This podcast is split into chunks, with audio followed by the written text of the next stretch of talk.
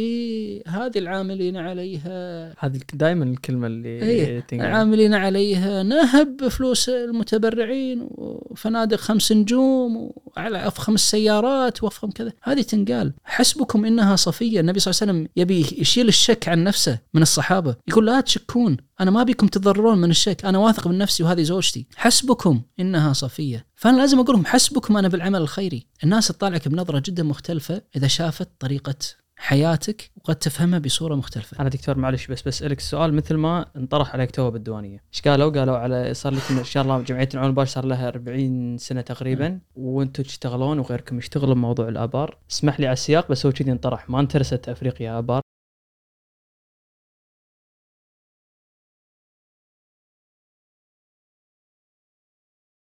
عندنا خارطة نسميها خارطة آه، رحلة الدينار. قبل ما أستقبل دينا- دينارك أنا إيش قاعد أسوي؟ شلون راح أستقبل هالدينار؟ وين راح أوديه؟ قبل في فترة من الفترات آه، تجي لي تقول عبد الله أبي مسيد أقول لك أبشر هذا مسيد، أبي بير أبشر هذا بير، فصاير ما يطلبه المتبرعون.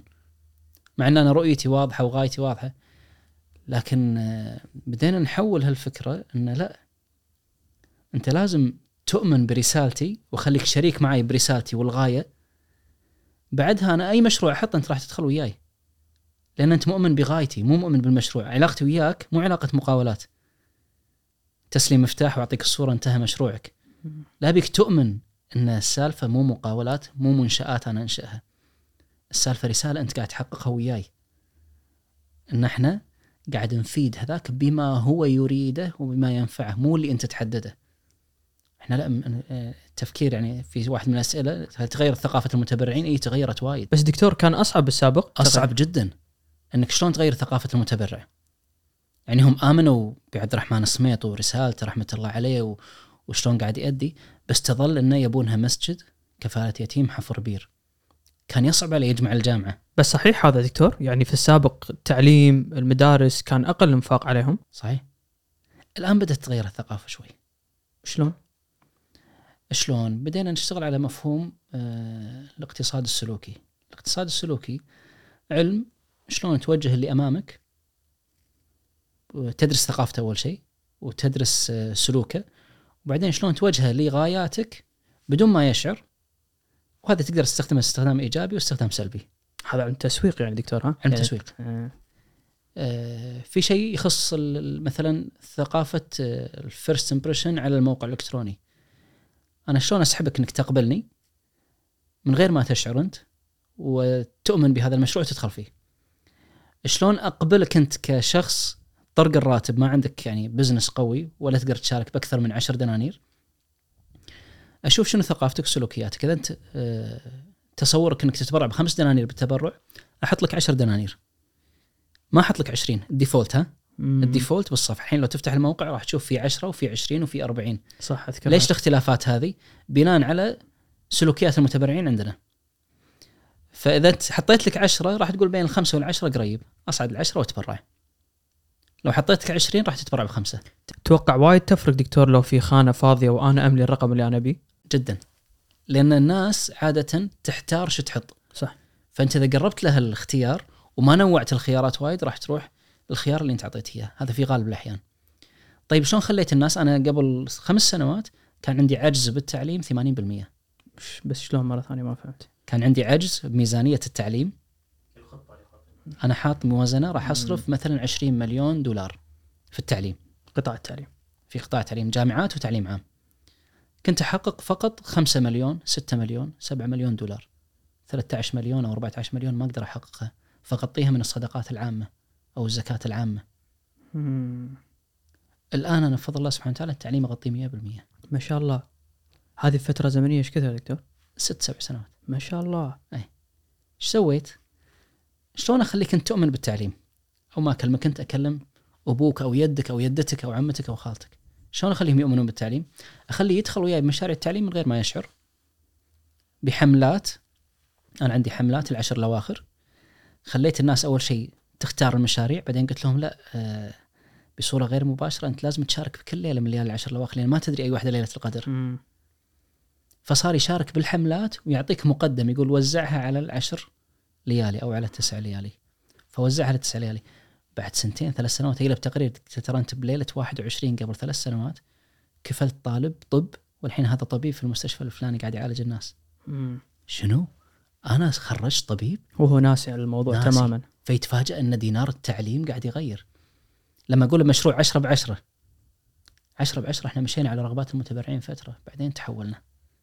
قمنا نحط التعليم بند من بنود العشرة بعدين بندين بعدين ثلاث بنود بعدين خمس بنود بعدين قمنا نسوي 10 بعشرة كامل تعليم. لأن طلع للناس إن ترى من 10 بعشرة سوينا لكم كلية محاسبة في جامعة سيماد اللي تملك العون المباشر وهذه تخرج سنويا كذا محاسب وكذا. بس دكتور اليوم من الدينار اللي يندفع من قبل المتبرعين أولويتك التعليم بالنسبة لك؟ آه، إذا عندنا التعليم العام والجامعي 25% إذا حسبت الايتام كتعليم كذلك لأنك قاعد تبني إنسان تزيدها 13% إذا بتزيد التوعية اللي هي توعية الناس بأمور دينهم التعليم الشرعي وكذا أنت توصل تقريبا قرابة 45% من ميزانيتك بالتعليم لو نقارنه فرضا قبل عشر سنين كم كان يحصل التعليم. ميزانيتكم؟ تقريبا نتكلم على خ- عش- 25% الإجمالي. بس قلت لك وقتها كان في تحديات كبيرة يعني ما هي نفس الآن. مم.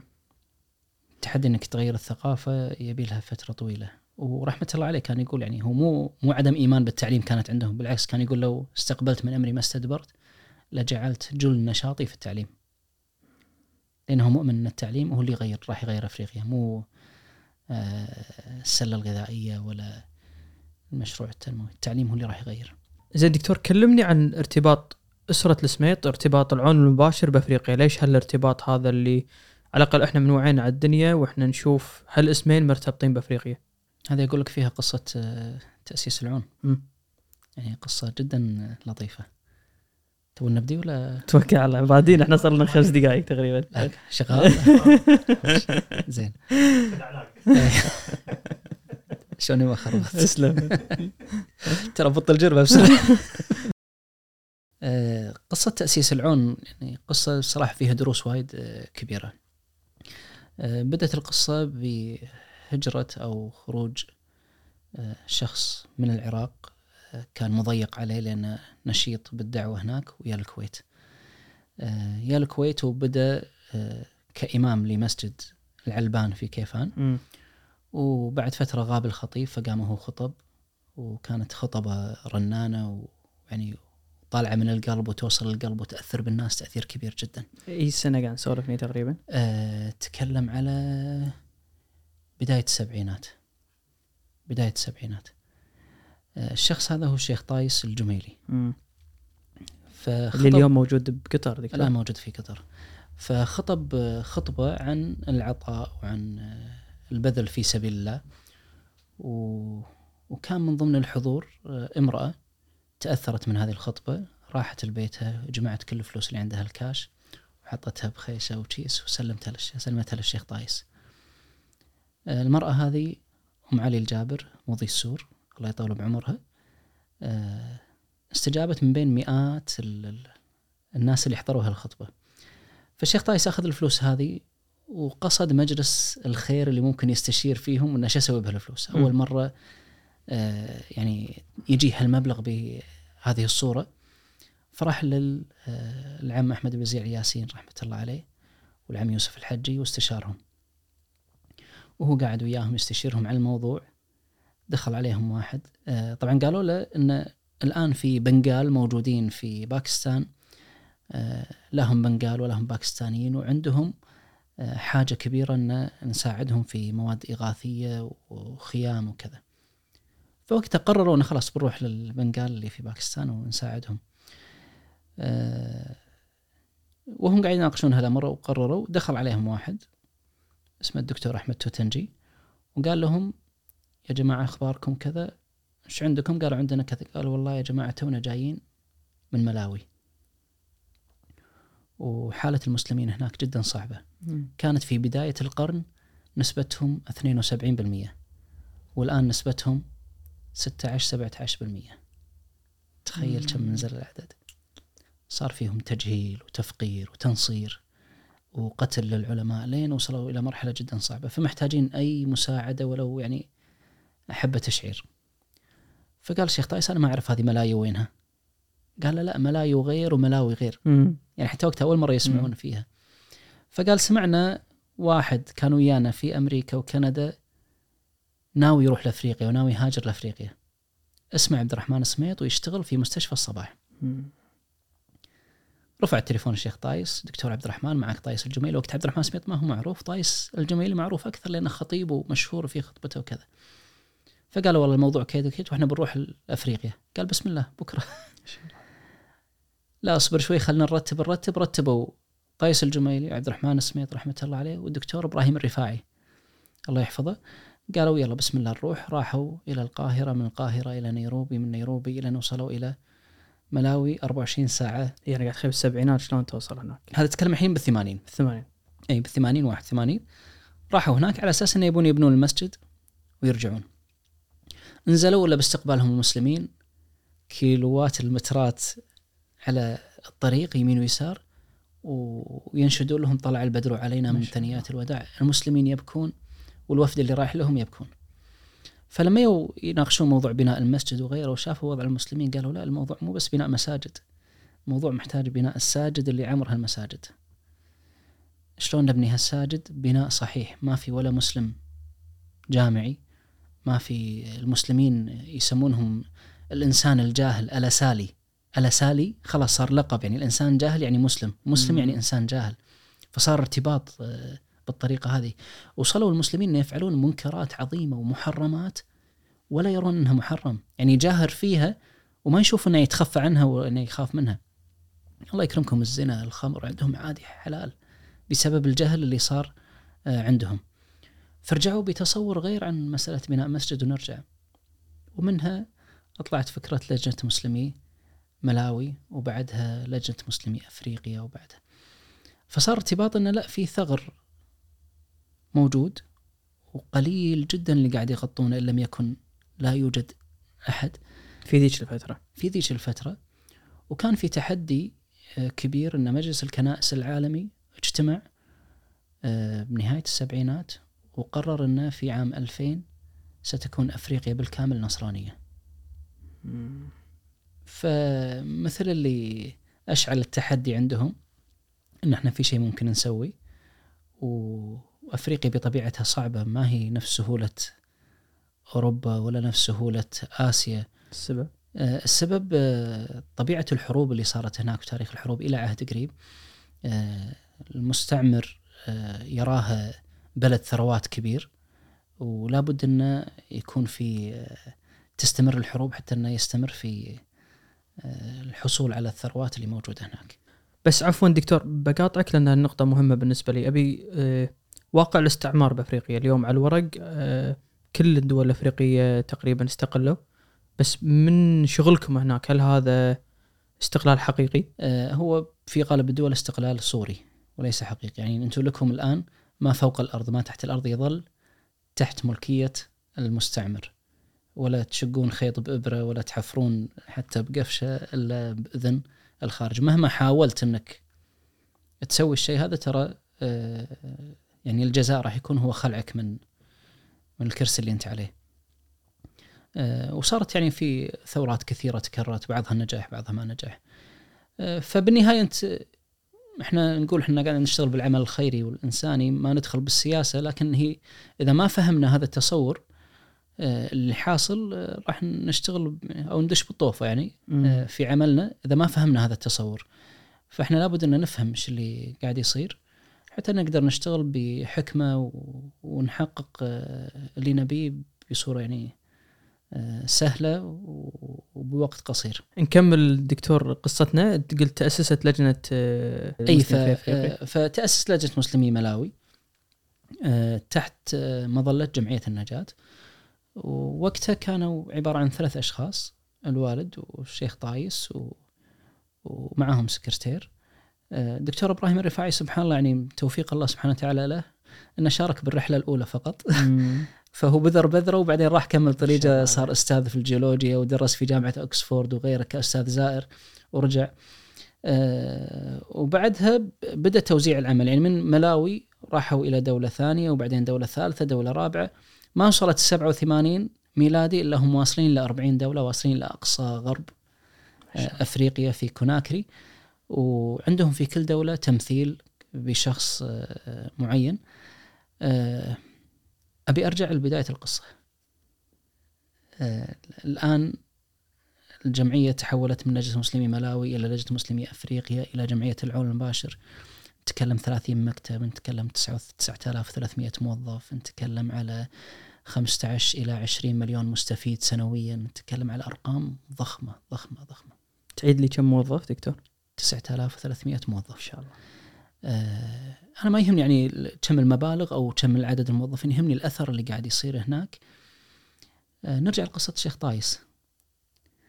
أنا عندي يقين انه لما طرد أو طلع من العراق في تلك الفترة كان صدره ضايق إنه راح يترك رسالته وراح يترك شغله وأهله وبلده ما كان يدري شنو الخير اللي ينتظره.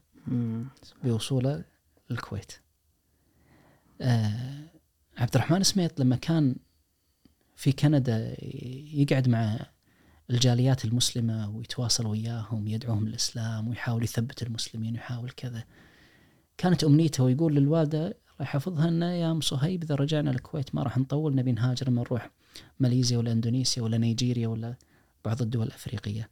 فالرغبة كانت موجودة. لذلك لما طرح الشيخ طايس قال من يروح وياي. قالوا له عبد الرحمن السميط.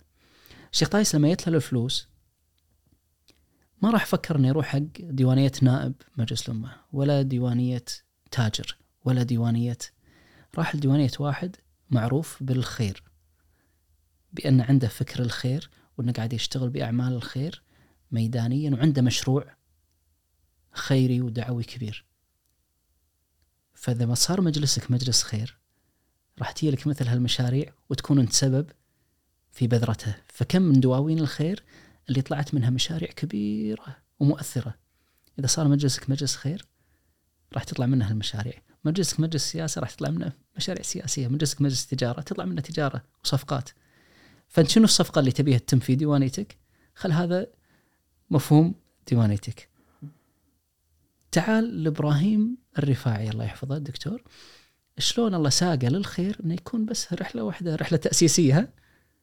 إن الله يختاره ويصطفيه إنه يشارك بالرحله التاسيسيه ويصير كل هالخير موجود. زارني ذاك اليوم يمكن قبل ثمان سنوات. قلت دكتور تراني حاط ورقة على الشاشة حاط فيها أسماء المؤسسين. كل يوم الصبح أصبح بالدعاء لكم. لأن أنتم سبب الخير اللي إحنا فيه الحين. فزبدة كل هاللي صاير أن الشيخ طايس لما كان صادق في خطبته من بين مئات الخطبة أثر.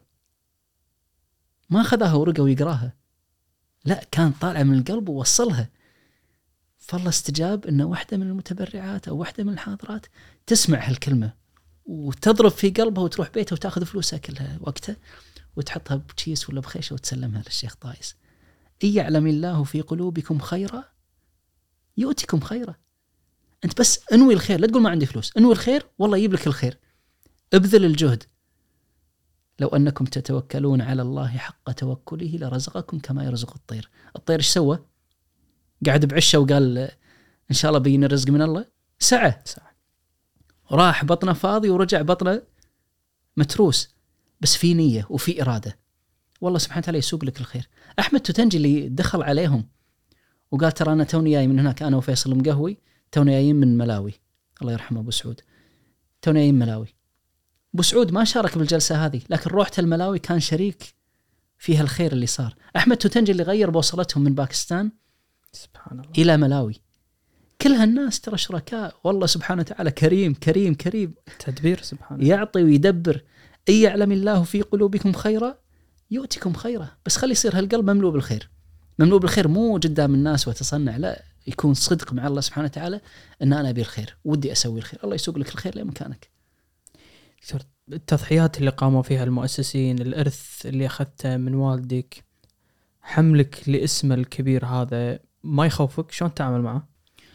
والله يعني كثير من الناس تظن إن هذا هو تشريف وهو فعلا تكليف ما هو تشريف.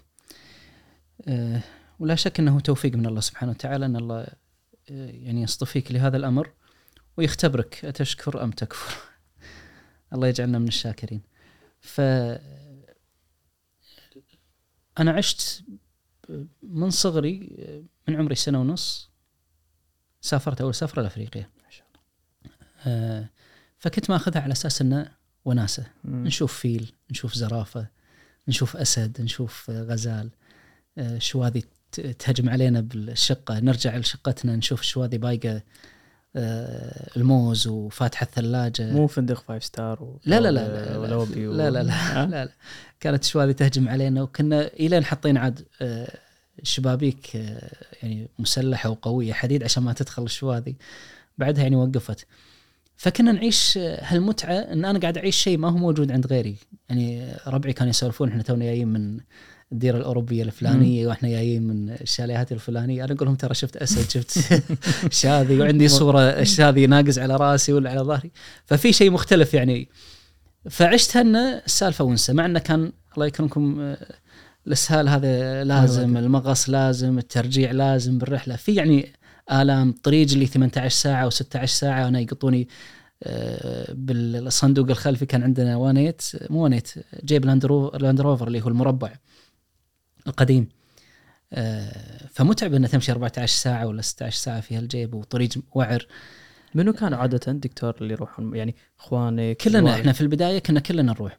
إلين خواتي دخلوا بالجامعة خلاص ما يقدرون يروحون يعني بالصيف ياخذون صيفي بعدين أخوي صهيب دخل آه، ما قدر يروح بعدين بقينا أنا وأختي سمية بعدين صرت أنا بروحي. ان شاء الله. اي آه، لكن يعني معيشتي في هذه الأجواء ومعرفة ال- ال- ال- الأثر اللي قاعد يصير هناك وايد أثر في عملية اختيار القرار. بعدين لما تدخل بالعمل المؤسسي أنا دخلت في البداية كعضو مجلس إدارة. آه، طبعا في البداية وأنا صغير اشتغلت بقسم أنا ما. ابي اكبرك دكتور بس أنا يهمني دائما التاريخ يعني السنة على الأقل أنا أتكلم يعني بنهاية الثمانينات أنا مواليد 84 عشان أكون صريح. إيه، يعني إيه، في ضيوف يتحسسون ما أدري لا لا ما, لا ما عندي شيء اتحسس فيه آه، 89 92 93 إلى 96 كنت أشتغل بقسم الحصالات. اللي هو؟ قسم الحصالات تينا الحصالة نقص الحصالة آه، ونحطها بالفرازة اللي تفرز الخردة. بعدين يجمع ال 100 فلوس 100 فلس بروح ال 50 فلس بروح ونحطها بجهاز يلف الفلوس ونسلم الفلوس هذه للبنك البنك يعطينا مقابلها النقدي يحطها بحساب الجمعية. فكانوا يعطوني مكافأة آه، ربع دينار. قاعد. اي على اليومية كنت أشتغل باليومية. آه بعدها إلى أن وصلت ال- الجامعة كانت يعني الرحلات الصيفية دائما آه أروح لأفريقيا. بالجامعة كنت آخذ ربعي وياي وأروح أزور الوالد لما كان مهاجر في مدغشقر هو الوالدة. كل مرة آخذ اثنين ثلاثة من ربعي ونروح. نقعد عندهم شهر ثلاثة أسابيع. أحيانا نوزعها ما بين كينيا ومدغشقر إيش كثر تم دكتور هناك؟ تقريبا ثلاث سنوات ثلاث سنوات ونص إلى أن يعني طردوه من هناك. بس أوقفك هنا دكتور شو اللي صار مع الوالد؟ ليش طردوه؟ آه، صار في ضغط عليه لأن كان النشاط الدعوي وايد قوي ودخلوا وايد ناس بالإسلام. آه، فشافوا إن الأمر ملفت شوي. مم. فتعاملوا مع الموقف شوي بحساسية. آه، وقالوا له أنت غير مرغوب فيك يعني بصورة. بس بعد أربع سنوات خمس سنوات رجعوا له يعتذرون. تغيرت الحكومة إلى حكومة ثانية فرجع فهذا التدرج اللي صار إلى أن تخرجت من الجامعة. الوالد وقتها طلع عشان يأسس مركز دراسات العمل الخيري فطلع مجلس إدارة. وصار في رغبة من مجلس إدارة إني أنا أدخل مكانه. دخلت كعضو مجلس إدارة. وقتها كان عمري 23 سنة تقريبا أو 24 سنة. فأخذت وايد خبرة من الموجودين كلهم يعني رجالات آه، على مستوى عالي سواء اقتصادي أو خيري أو سياسي أو غيره. يعني وزراء سابقين وكلاء وزارات نائب آه، آه، مدير صندوق البنك الإسلامي للتنمية آه، الامانه العامه للاوقاف كان امينها مدير بيت الزكاة الصندوق الكويتي يعني في في شخصيات لها وزنها وخبراتها اللي استفدت منها فائده جدا كبيرة. خلال هذه الفترة بحكم إني طبيب بيطري و... فقالوا لي عبد الله أمسك القطاع الصحي مم.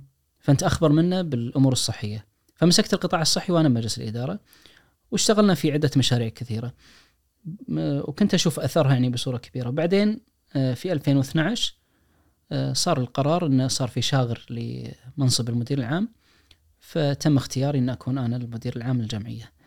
آه، اللي أحب أقول إن ال- ال- خلال المرحلة هذه أنا قاعد أشوف الأثر اللي قاعد يصير من خلال هذه الجمعية إن الدينار اللي ينفق إيش قاعد يسوي هناك. فكانت فترة أول ما مسكت إدارة الجمعية ويتني الموازنة كنت أشوف كم عدد الابار اللي تحفر، كم عدد المساجد اللي تبنى كم عدد الطلبة اللي يكفلون الأيتام اللي يكفلون آه، كم حجم الميزانية. وبالنهاية من مثلك يا عبد الله أن الله سبحانه وتعالى يسخر لك أنك تكون على مخدتك وفي بير قاعد يحفر وأنت نايم. مم. في عملية عيون قاعد واحد يبصر وأنت قاعد في هالقعدة وحاط ريل على ريل. انت قاعد تغدى مع أهلك وهناك في عداد قاعد يمشي. بالمقابل هو ترى مو بس شيء ممتع أو إنه شيء زين أنت داخل في آه، مخاطرة عالية. أهل الاستثمار يقولون high risk أنا داخل في high risk من أي ناحية؟ أما يرفعك فردوس الأعلى.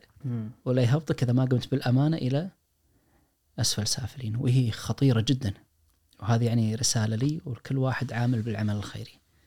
ترى الموضوع مو عملية شغف تطوع وانه هبة عمل خيري وإن أنا أبي أسوي خير. لا تراك مسائل مسائل عن كل دينار. مسائل عن كل فلس. مسائل عن كل يتيم مكفول انطق ولا ما أخذ كفالته ولا مرض ولا عالجته لأن أنت نقلت مسؤوليته لك. فلا بد إنك تقوم بحقه. مسؤول عن كل شقة أو كل بيت أو كل مسجد يبنى ثم يهجر لأنك ما سويت دراستك بصورة سليمة. مم. مسؤول عن كل مشروع تسويه قد يضر أكثر مما ينفع. وراح أقول لك إن شاء الله يعني آه، شنو الدروس اللي إحنا أخذناها من يعني هال 42 سنة؟ ترى مو ملائكة ولا مجتمع ملائكي. مرينا بحالات فشل مرينا بحالات خطأ ومرينا وتعلمنا من الخطأ وتقومنا وصححنا وكل مالنا ونحسن وكل يوم عندنا فرصة تحسين. اللي أحب أقول إن المسؤولية وايد كبيرة ما هي سهلة. فأنا ماخذها من جانبين. جانب حجم الأثر اللي قاعد يصير من خلال هذه المؤسسة. وكثير ما يجيني الشيطان إنه عبد الله خلاص اترك وارتاح. عبد الله اترك وارتاح. لكن لما تشوف الأثر يردك. يردك وايد. الشيء الثاني إنه باب بر. إنه يستمر اسم عبد الرحمن سميت رحمة الله عليه والناس تدعي له إن الله رحم الله والديك. مم. الله يرحم عبد الرحمن السميط الله يرحم كذا فالواحد يقاتل عشان رضا الله عز وجل عشان بر الوالد اللي بر فينا إن خلانا في هذه المكانة بين المجتمع. هو سواها لله عز وجل ما نواه انها تكون لنا لكن إحنا قاعد نذوق هذا الشرف اللي قاعد يصير لنا. بالمقابل آه، هذا الشرف هو تكليف عالي. ترى آه، أنا توقفت عن تويتر توقفت عن إنستغرام توقفت عن أي social media بسبب إني شايل هالاسم. وفي خطورة جدا عالية.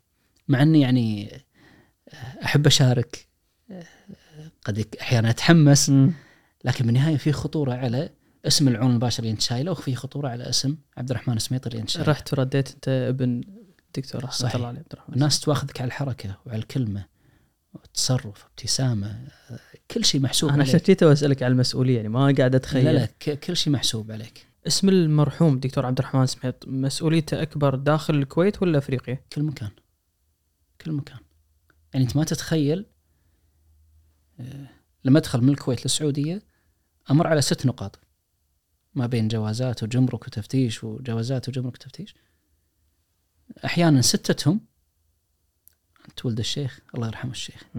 واحيانا ثلاثة اثنين بس يعني ما تمر كذي ست نقاط من غير ما فهي مسؤولية والناس كلها قاعد تطالعك بس دكتور موضوع مدغشقر اللي صار مع الوالد شدني حق شغلة.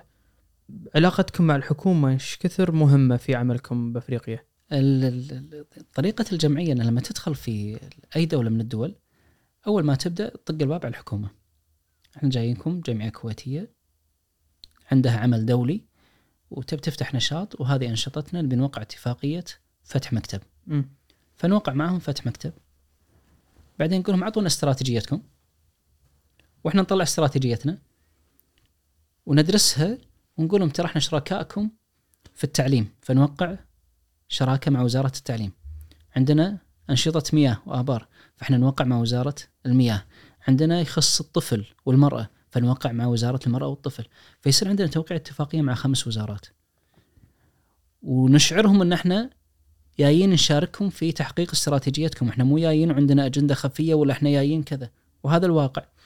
فلما نوقع معاهم يصير كل وزير يفرح فيك لأن أنت سبب في نجاحه مم. أمام الشعب وأمام رئاسة الحكومة.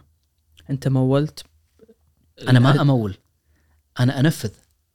فأنت تقول لي وين احتياجك في الابار وين أنا المناطق اللي أنا مستهدفها وأنت مستهدفه ترى أنا أشيل عنك موضوع الآبار. بس ما يتم تسليمهم فلوس وهم لا لا. لا إحنا أسمنا العون المباشر نقدم المساعدة للمستفيد النهائي مباشرة كمشروع وليس كنقد. فالجمعية في تاريخها ما تسلم نقد كمساعدة وإنما تسلمها كخدمة تنموية آه، مباشرة. بس ما يصعب مهمتكم مع الحكومات؟ آه، ولا في بعض الحكومات في بعض الحكومات آه، تبي النقد. وأحيانا توقف مشاريعك. أما تعطيني نقد ولا ما تمشي علي أولوياتك. أقول لا أبد بالعكس. أنا ما مشي علي عليك أولوياتي ولا شيء. قول لي شو اللي من أهدافي واستراتيجيتي ما يناسبك أنا اليوم أحذفه. لكن خلينا نمشي على المتوافقين فيه. وصارت لنا مواقف كثيرة يعني التضييقات اللي تصير. إن أنتم جايين بأجندة أنتم جايين بتدخل وأنتم ما تمشون وفق أهدافنا. واحد منهم يعني زارني بالكويت وتناقش معي بهالطريقة. فقلت له أبد هذه أهدافنا ونعطيك شو المناطق اللي نشتغل فيها وش المشاريع اللي نسويها. تبي تسكر جزء منها ونكمل بالباقي؟ أنا ما عندي مشكلة. لكن لما تقول لي عطني وأنا أنفذ أو تمشيني وفق أولوياتك أنت وهي مخالفة لأولوياتي وأولويات المتبرع أقول لك أنا أسكر المكتب وأنتقل لمكان ثاني. ترى أنا مو خسران شيء. المتبرع موجود والمستفيد موجود في دولة ثانية. مم. اللي راح يخسر هو الفقير اللي موجود عندك في دولتك. لكن بالنهاية أنا ما راح أشتغل بشيء أنت ما تحبه. أو ما تبيني اشتغله أنا راح أسكره مباشرة من تقول لي سكره. فهذه سياسة التعامل بيننا وبينهم إن إحنا نعمل وياهم بشفافية وبتواصل فعال بيننا وبينهم. مع ذلك الأمر ما هو سمنة على العسل. لما يجي وقت الانتخابات تعال سوي الآبار في منطقتي عشان أفوز بالانتخابات لا غير ود هناك لا سوي كذي. فيحاولون يسيسون العمل الخيري. والحمد لله نحن يعني فاهمين معاهم هالشغلة. وحازمين بهالشيء. يعني توصل أحيانا إحنا مستعدين نوقف شهر عن شغلنا في سبيل إن ما نحسب على حزب معين في الدولة ولا على مسؤول سياسي معين في الدولة. فعلا نتعامل مع الحكومة كصفات وليس كأشخاص. حتى لو اللي فاز بالحكومة أو وزراء كانوا من عيال العون إحنا صارت صارت وايد وايد تصير لما يوصل المنصب السياسي هني أقطع علاقتي وياه تماما. باستثناء صفته وليس كشخصه. فهو إذا صار وزير التعليم أنا أستمر معه مثل ما كان وزير التعليم اللي قبله واللي راح يصير بعده. دكتور منو اللي تطلقون عليهم اسم عيال العون؟ أيتام العون اللي إحنا رعيناهم من ست سنوات إلى أن تخرجوا من الثانوية إلى أن تخرجوا من الجامعة. أو طلبة العون اللي هم درسوا في مدارس العون. وكفلتهم العون كطلبة أو كفلتهم بالبكالوريوس الماجستير والدكتوراه. وهذه أمثلتها يعني كثيرة الحمد لله. دكتور ساعة ذكرت مؤتمر النصارى والهدف اللي كان عندهم سنة 2000 في أي علاقة بينكم وبينهم؟ علاقة ودية؟ تضييق من صوبهم على على الدعاة المسلمين؟ حاصل يعني مثل الموقف اللي صار للوالد يعني هذه أحد نتائج ال- بس لليوم ما نشطين؟ آه، بأفريقيا؟ ما هم نفس قبل. الحس الإيماني عندهم على مستوى العالم يعني قل بصورة كبيرة. يعني قبل كان عندهم الدافع الديني والعقدي كبير. الآن الدافع مادي يعني في كثير من آه، شلون؟ بالعمل الخيري بعد؟ آه، بالعمل التبشير اللي هم التبشير إيه. يعني الآن آه، أصبح في مميزات للي يفرغ نفسه ست شهور في العمل آه، التبشيري. مميزات إنه لما يخلص ست شهور يروح يعطونه شهر بجزر الهاواي ويصير عنده شهادة يكون له آه. أولوية بالتوظيف ويكون له مكافأة يكون له كذا. ما هو كلهم بالطريقة هذه لكن في ممارسات قاعد تصير بالطريقة هذه. يعني أذكر مرة رحنا منطقه اسمها قبر دهر اسمها يخرع إيه صدق. ما هو دكتور له. قب- قبر ودهر إيه. هذه تبعد عن أديس أبابا تقريبا 20 ساعة بالسيارة أو بالطيارة تروح لها. ما فيها مطار آه، المطار عبارة أو ما فيها مهبط آه، حقيقي هو مهبط صحراوي الغرفة عبارة عن غرفتين تشينكو قادمون والمغادرون تقعد على مرابيع خشب مم. يفتشونك تفتيش يدوي فنيلتك الله يكرم سروالك يطلع مواد النظافة مالتك حطها على إيدك افركها شمها شيء بدائي جدا؟ اي جدا فقعدنا مسوي مخيم عيون هناك لأن منطقة يعني جدا مهملة تسمع الرمي بالليل ما تسمع صوت الأذان مع انها 99% مسلمين تسمع صوت الكنيسة جرسها. آه قعدنا هناك إلى ثالث يوم مخيم ال- ال- العيون. واحد من الوفد اللي ويانا قال يا جماعة أنا يعت ما أصبر على أكلكم معلبات وكذي أبي لحم لحم. فقلنا هذا السوق قدامك روح اشتر. آه، فشرى تيس و... وراح المكان سكننا وبدأ يذبح ويصلخ. دخلنا وهو قاعد يصلخ قطعنا وياه وبنسوي لنا حفلة باربيكيو ها. فقالوا لنا جيرانكم مؤسسة فرنسية طقوا عليهم خل ييون وياكم.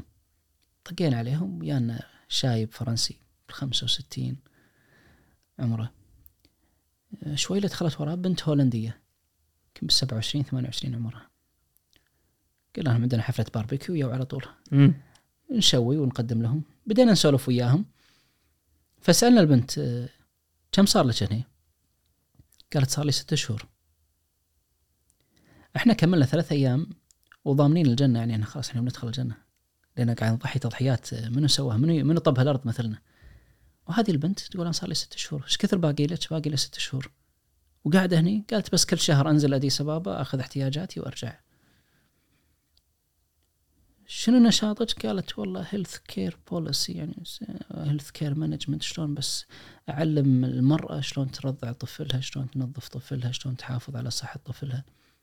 بس بس بعدين بحثنا شفنا الأمر لا يعني الموضوع فعلا في تضحية عندهم لكن بالمقابل في مميزات وفي أهداف هم قاعد يسوونها فهذه الطالبة باحثة ماجستير فيجمعون عشر طلبة 12 طالب يدزونهم حق المكان يبحثون في العادات الاجتماعية، العادات الدينية في جانب النظام. أكاديمي بحث جانب أكاديمي يجهزون الملفات هذه حتى إن يقدمونها للجهات اللي راح تروح تبشر فيها الدول فيكونون آه. جهزوا لهم كل الأمور هذه. بس شيء فعال هذا دكتور صح إنه تروح وتجمع بيانات عن المكان اللي أنت بتروح وتدعيهم لدين الإسلام فرضا هذا فعال وليتنا إحنا نشتغل كذي يعني كمؤسسات خيرية من الدول الاسلاميه. آه، لكن بالمقابل لها مكافآت هذه، لها مكافآت عالية مقابل نشاط اللي تسويه ولها مميزات غير عن اللي ما شاركوا فيها أمام التوظيف وأمام حتى ال- ال- الترقي في الوظيفة. مع ذلك أنا اعتبرها تضحية حتى لو كان لها مقابل. يعني آه، منو من ربعنا تعطي 4000 دينار وتقول روح عيش هناك بقبر دهر وانت ما عندك حتى بقالة ولا سوبر ماركت مستعد أنت؟ ومرأة بعد. ها؟ مستعد؟ لا أبد. الخير فيكم إن شاء الله. أنتم تسدون عنا إن شاء الله. آه لا إحنا أسبوع حدنا ما في حتى أقول. لك ما نوصل مثلها الله المستعان. بس يختلف جغرافيا. يعني اليوم نتكلم على شرق أفريقيا غرب أفريقيا. تجاوبهم مع الدعوة الإسلامية يفرق؟ فرق السمع عن الأرض. يعني اللي حاصل آه، ولا تقدر تقيمها تقول هذه دول نصرانية وهذه دول إسلامية ولا هذه دول علمانية وهذه. يعني كل واحدة مرتبطة بسياسة الدولة ثقافة المجتمع بيئتهم. يعني بعض الدول آه، مع انها دول إسلامية لكن تصعب علينا العمل آه، تخلينا نفكر ان نطلع من الدولة. وبعض الدول علمانية أو نصرانية آه، تقدم لنا تسهيلات. تطمعنا إن نستثمر خمسة أضعاف المبلغ في العمل الخيري. مم. يعني ننفق خمسة أضعاف اللي أنفقناه بالدولة ذيش. بسبب المضايقات اللي هناك والتسهيلات اللي هنا. يعني أضرب مثل دائما أضربه في بنين. آه، بنين آه، معطيتنا صفة آه، نفس الصفة الدبلوماسية. سياراتنا ارقامها خاصة موظفينا كروتهم خاصة بطاقاتهم خاصة إعفاء جمركي. أحيانا جماركنا توصل إلى 800 ومليون. دولار 800 ألف ومليون دولار. إعفاء كامل. ما شاء الله. هذه طمعنا أن نشتغل بالدولة بأريحية. بالرئيس الدولة نفسه يقول أنا بسوي شراكة وياكم. أنا عندي مؤسستي الخيرية وبكم أنتم آه تكونوا المنفذين الدولة تتبرع لنا بمئة بألف مضخة للآبار.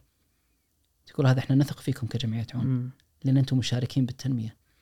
ودائما نظرتهم آه، لنا العاقلين فيهم اللي ما هم يعني اللي يفصل بين العمل السياسي والعمل التنموي والعمل الخيري.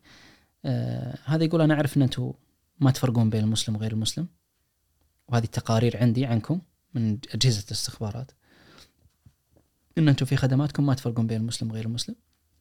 وإن أنتم ما تبتزون غير المسلمين إنكم تعطونهم مساعدات مقابل إنهم يغيرون دينهم. وإن أنتم موجودين بالأرض. أنتم مو إذا صارت مشكلة طلعتوا من الدولة. أنتم عندكم أصول عندكم أراضي عندكم مراكز عندكم حتى مقركم ملك ما هو تأجير. هذه نقطة مهمة دكتور. شلون تبني أصول؟ شلون يكون لك جذور مك- بال- بالدولة اللي أنت فيها؟ أنت عندك موظفين دائمين. عندك هالأصول الأراضي تسجل باسمك أنت كعون مباشر ما تسجل باسم جمعيات آه، محلية ولا باسم أفراد فهي تسجل باسمك أنت. آه، والبناء يكون آه، وفق مواصفات الدولة وفق معايير الدولة. وبالنهاية أنت قاعد تقدم خدمة شاملة ما هي خدمة واحدة.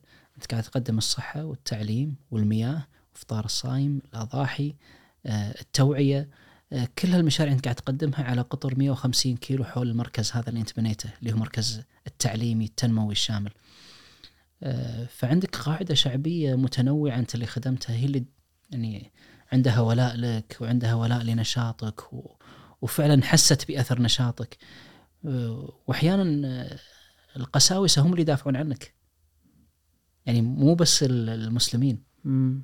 أحيانا قسيس يعطيك أرض يهبها لك عشان تبني مشروعك. الدافع باعتقادك. الدافع هو قاعد يشوف إن نشاطنا مؤثر بالناس. مؤثر تأثير إيجابي.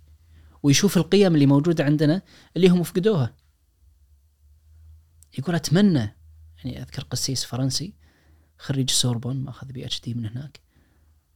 يقول أتمنى إنكم أنتم تحكمون فرنسا لأن عندكم قيم ومبادئ هي اللي إحنا نؤمن فيها وضاعت الآن. مم. فهم بالعكس يعني يشوفون البديل الأنسب لخدمة هؤلاء بسبب القيم الموجودة اللي نقدمها وكذلك جودة الخدمة نفسها اللي تقدم. وهذا مفهوم يعني أنا دايم يعني أراجع نفسي فيه وأكلم فيه إخواني وربعي على موضوع إن القضية مو بس إنك تحفر بير وتمشي ولا تقدم افطار صح. القضية عندنا قيمة عالية وهي قيمة العون المباشر، قيمة الإحسان. مم. الإحسان آه، أتكلم عنه بأعلى مفاهيمه وأعلى درجاته. آه، عندنا في حديث جبريل عليه السلام أن ما الإسلام ما الإيمان ما الإحسان. لما وصل الإحسان قال أن تعبد الله كأنك تراه فإن لم تكن تراه فإنه يراك. شنو تفهم منه؟ نه. بينك وبين نفسك الموضوع. بي- بينك وبين نفسك بعض الناس يقولون أنا أستشعر مراقبة الله سبحانه وتعالى فأحاول أني أشتغل بإتقان أشتغل بإحسان. هي القضية مو بس تشتغل بإتقان ولا تشتغل بإحسان. أن تعبد الله كأنك تراه فإن لم تكن تراه فإنه يراك. أن تستشعر حضور الله سبحانه وتعالى معك في كل نواياك وفي كل أعمالك في كل نظراتك في كل قراراتك. فلما تستشعر هذا الشيء أنت تشوف وين محبوبات الله سبحانه وتعالى تحاول أنك تأديها. مم. وفق أعلى ما يمكن أكسب الله سبحانه وتعالى وأكسب محبته. فأنت تبذل أحسن ما عندك. وأحسن ما عندك يعني ما تقول أنا وصلت خلاص درجة الإحسان ولا وصلت درجة الإتقان. لا كل ما وصلت لمرحلة ترى في مرحلة أعلى منها إلى أن تلقى الله سبحانه وتعالى. هذا بالمفهوم المؤسسي يسمونه شنو؟ التحسين المستمر. التحسين المستمر أنا دوافعي فيه مو إني يصير عندي ممارسات مثلى أو best practice أو غيره. أنا عندي إن لابد إن كل يوم يكون أحسن من اليوم اللي قبله فيومي أحسن من أمسي وغدي أحسن من يومي. بس دكتور في استراتيجية تمشون عليها ولا الموضوع أنا شلون أبني أكبر عدد من الآبار شلون أبني أكبر عدد من شفت المدارس؟ اكبر عدد هذه؟ هذه ما هي موجودة. غلط إني أقول أكبر عدد. أنا شلون أقدم الخدمة الأفضل لهالمستفيد وأحقق فيها الإحسان؟ كنا إلى قبل أربع سنوات أو خمس سنوات نحفر الآبار السطحية. بمعنى شنو الآبار السطحية؟ البير السطحي هو انك تحفر بير يصل إلى درجة المياه اللي تحت سطح التربة فوق الطبقة الصخرية. وهذه عادة تكاليف يعني من 50 دينار بالهند وبنغلاديش إلى 500 دينار بأفريقيا. وكان عليه رغبة كثيرة من المتبرعين أنه أبي بير سطحي أبي لأنه يكون قادر أنه يغطي ال 500 دينار أو 700 دينار. لكن من شفنا أبحاث آه، واقعية وميدانية تقول أن البير السطحي سبب في الضرر للمستفيد.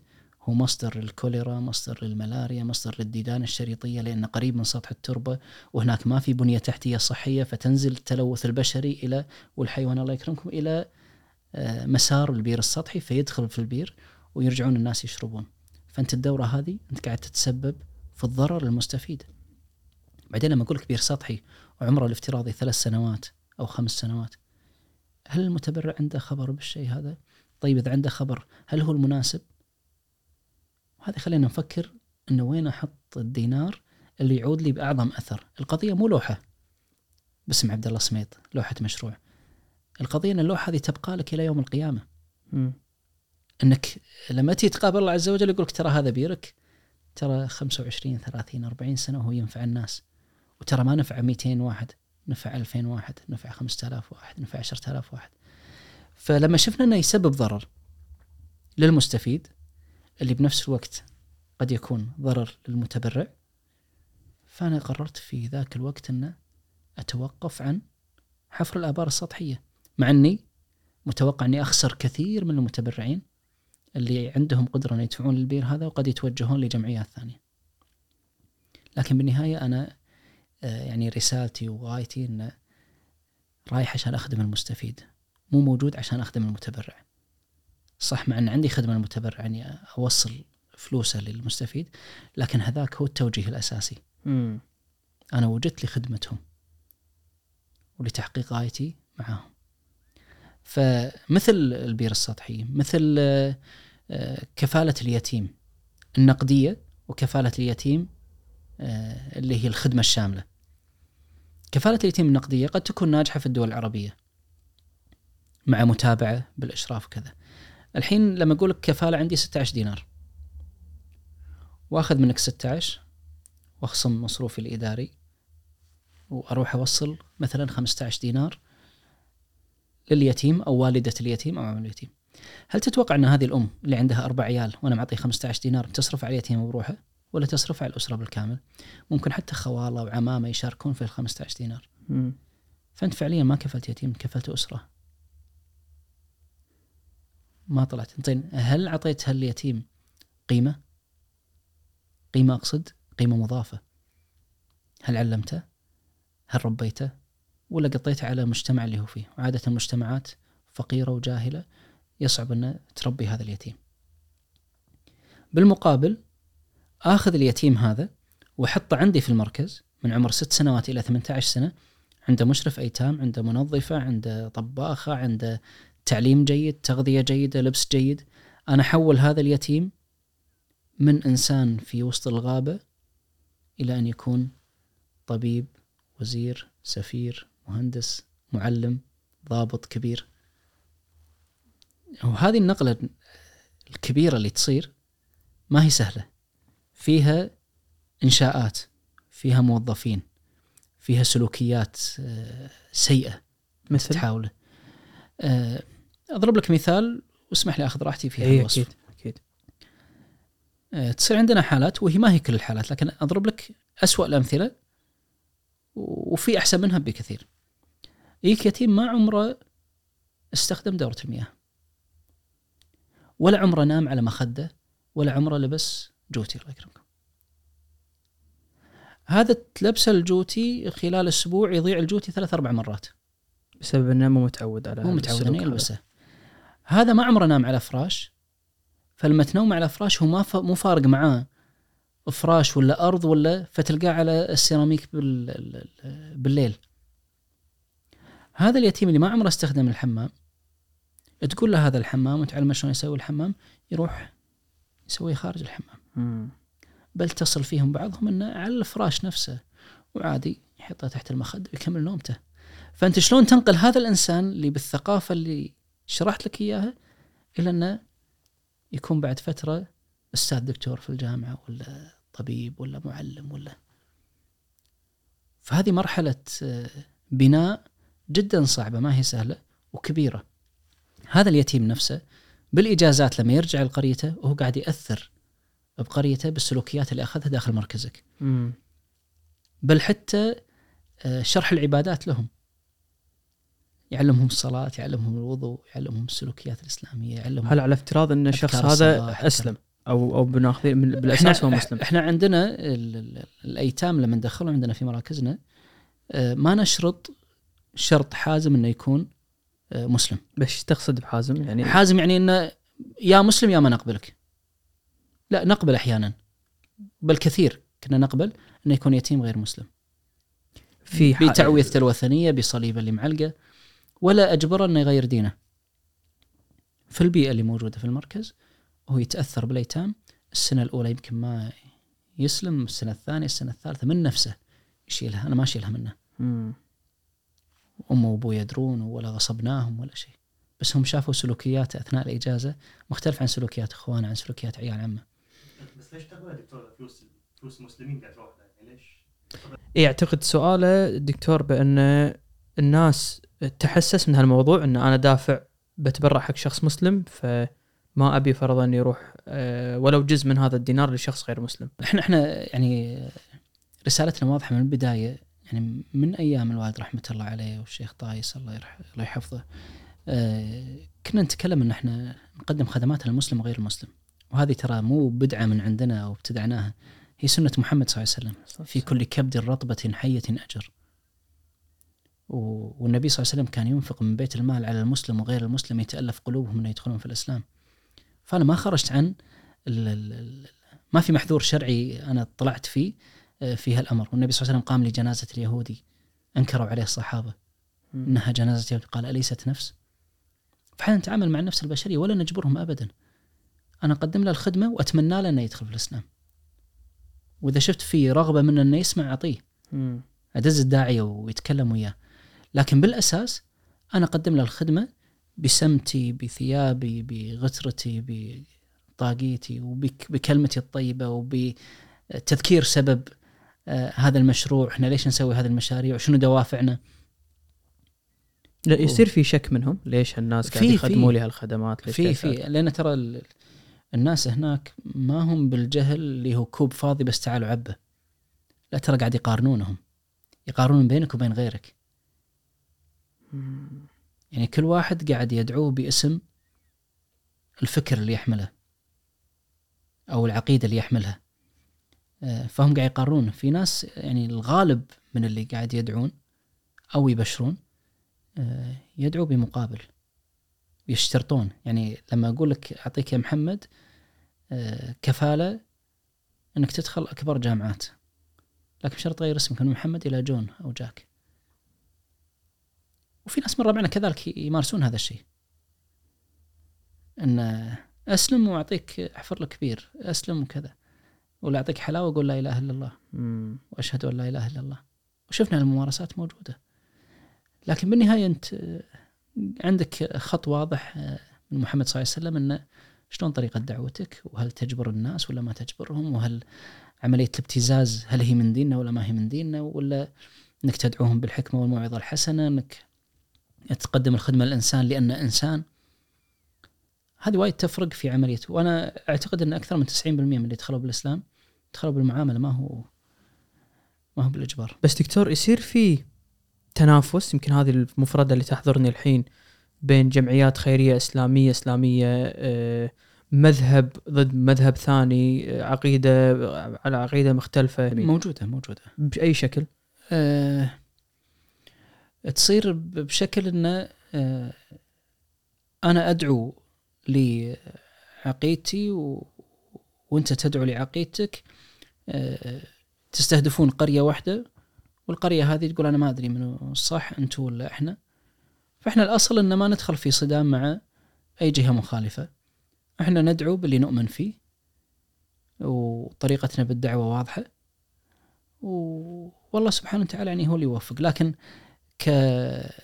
كصراعات موجودة في الميدان موجودة لكن ما توصل لدرجة ال- ال- العصا والسيف ولا. مم. يعني بالنهاية أنت قاعد تشتغل في دول فيها حكومات الحكومات تستمع للطرفين أو للثلاث أطراف أو للأربع أطراف لكن بالنهاية تشوف من اللي قاعد يخدمها. يعني بالنهاية هي مصالح. فإذا شافتك أنت فعلا آه، وجودك حقيقي وقاعد تخدم مصالحهم مو أنت مو جاي آه، هدفك بس إنه كم عدد اللي يدخلون في الإسلام؟ انت تخدم الناس بغض النظر عن ديانتهم. مم.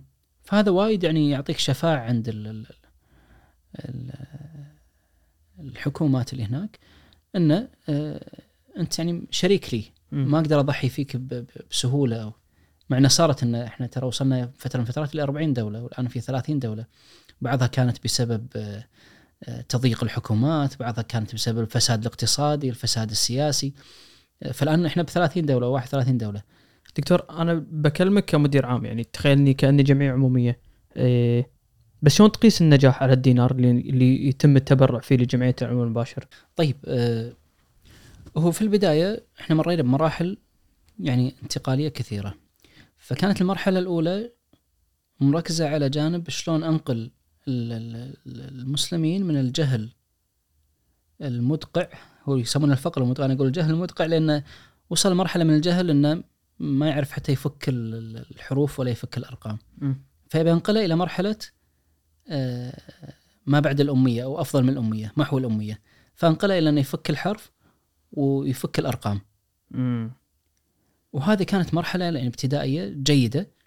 والقصد منها إنه شلون أكبر عدد من المسلمين أنقلهم إنه يقدرون يقرون ويكتبون. وكان في جزء قليل مصروف على الناس اللي تكمل دراستها وأتخير النخب إني أرفعهم. هذا الكلام إلى عام 2007 تقريبا. 2007 الوالد رحمة الله عليه شاف إن الأمر توسع كبير كمدارس وإدارة المدارس محتاجة احترافية هي مو بس إدارة محتاجة إدارة احترافية وخبرة. فسلم الملف للدكتور عبد الرحمن المحيلان. الله يحفظه اللي هو رئيس مجلس إدارة عندنا الآن. وهو يعني أستاذ في التعليم آه، كمدير للتطبيقي كمؤسس لأول جامعة خاصة كوزير سابق كعميد كلية الطب المساعد فكل هالأمور ساعدت إن الدكتور محيلان يكون مرشح إنه يمسك تطوير التعليم في الجمعية. فمسكوا ثلاث مدارس وقالوا إحنا الآن نبي ننتقل من قضية إنه بس مدرسة وكم عدد الطلبة اللي يدرسون فيها إلى أن نشوف كم عدد الطلبة اللي يلتحقون بالجامعات من هذه المدرسة. تتخيل أن في بعض مدارسنا كانت 10% من آه، الخريجين مؤهلين يلتحقون بالجامعة.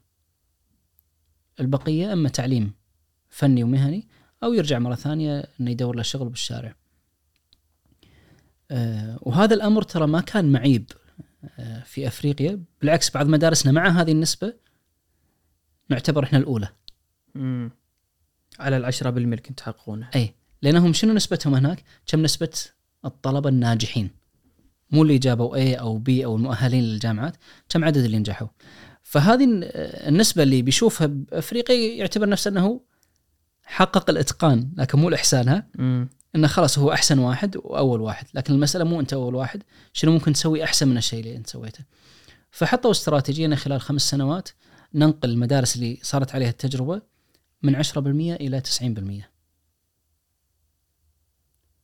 وشلون نخلي هذه المدارس تسير نفسها ذاتيا بمعنى تسير نفسها ذاتيا يعني الرسوم اللي يدفعونها الطلبة تغطي مصاريف المدرسة بحيث إن المدرسة ما تعتمد على الكويت ولا على الخليج ولا على الدول المانحة. تعتمد على نفسها لو انقطعت التبرعات أو قلت هذه المدرسة ما تتوقف.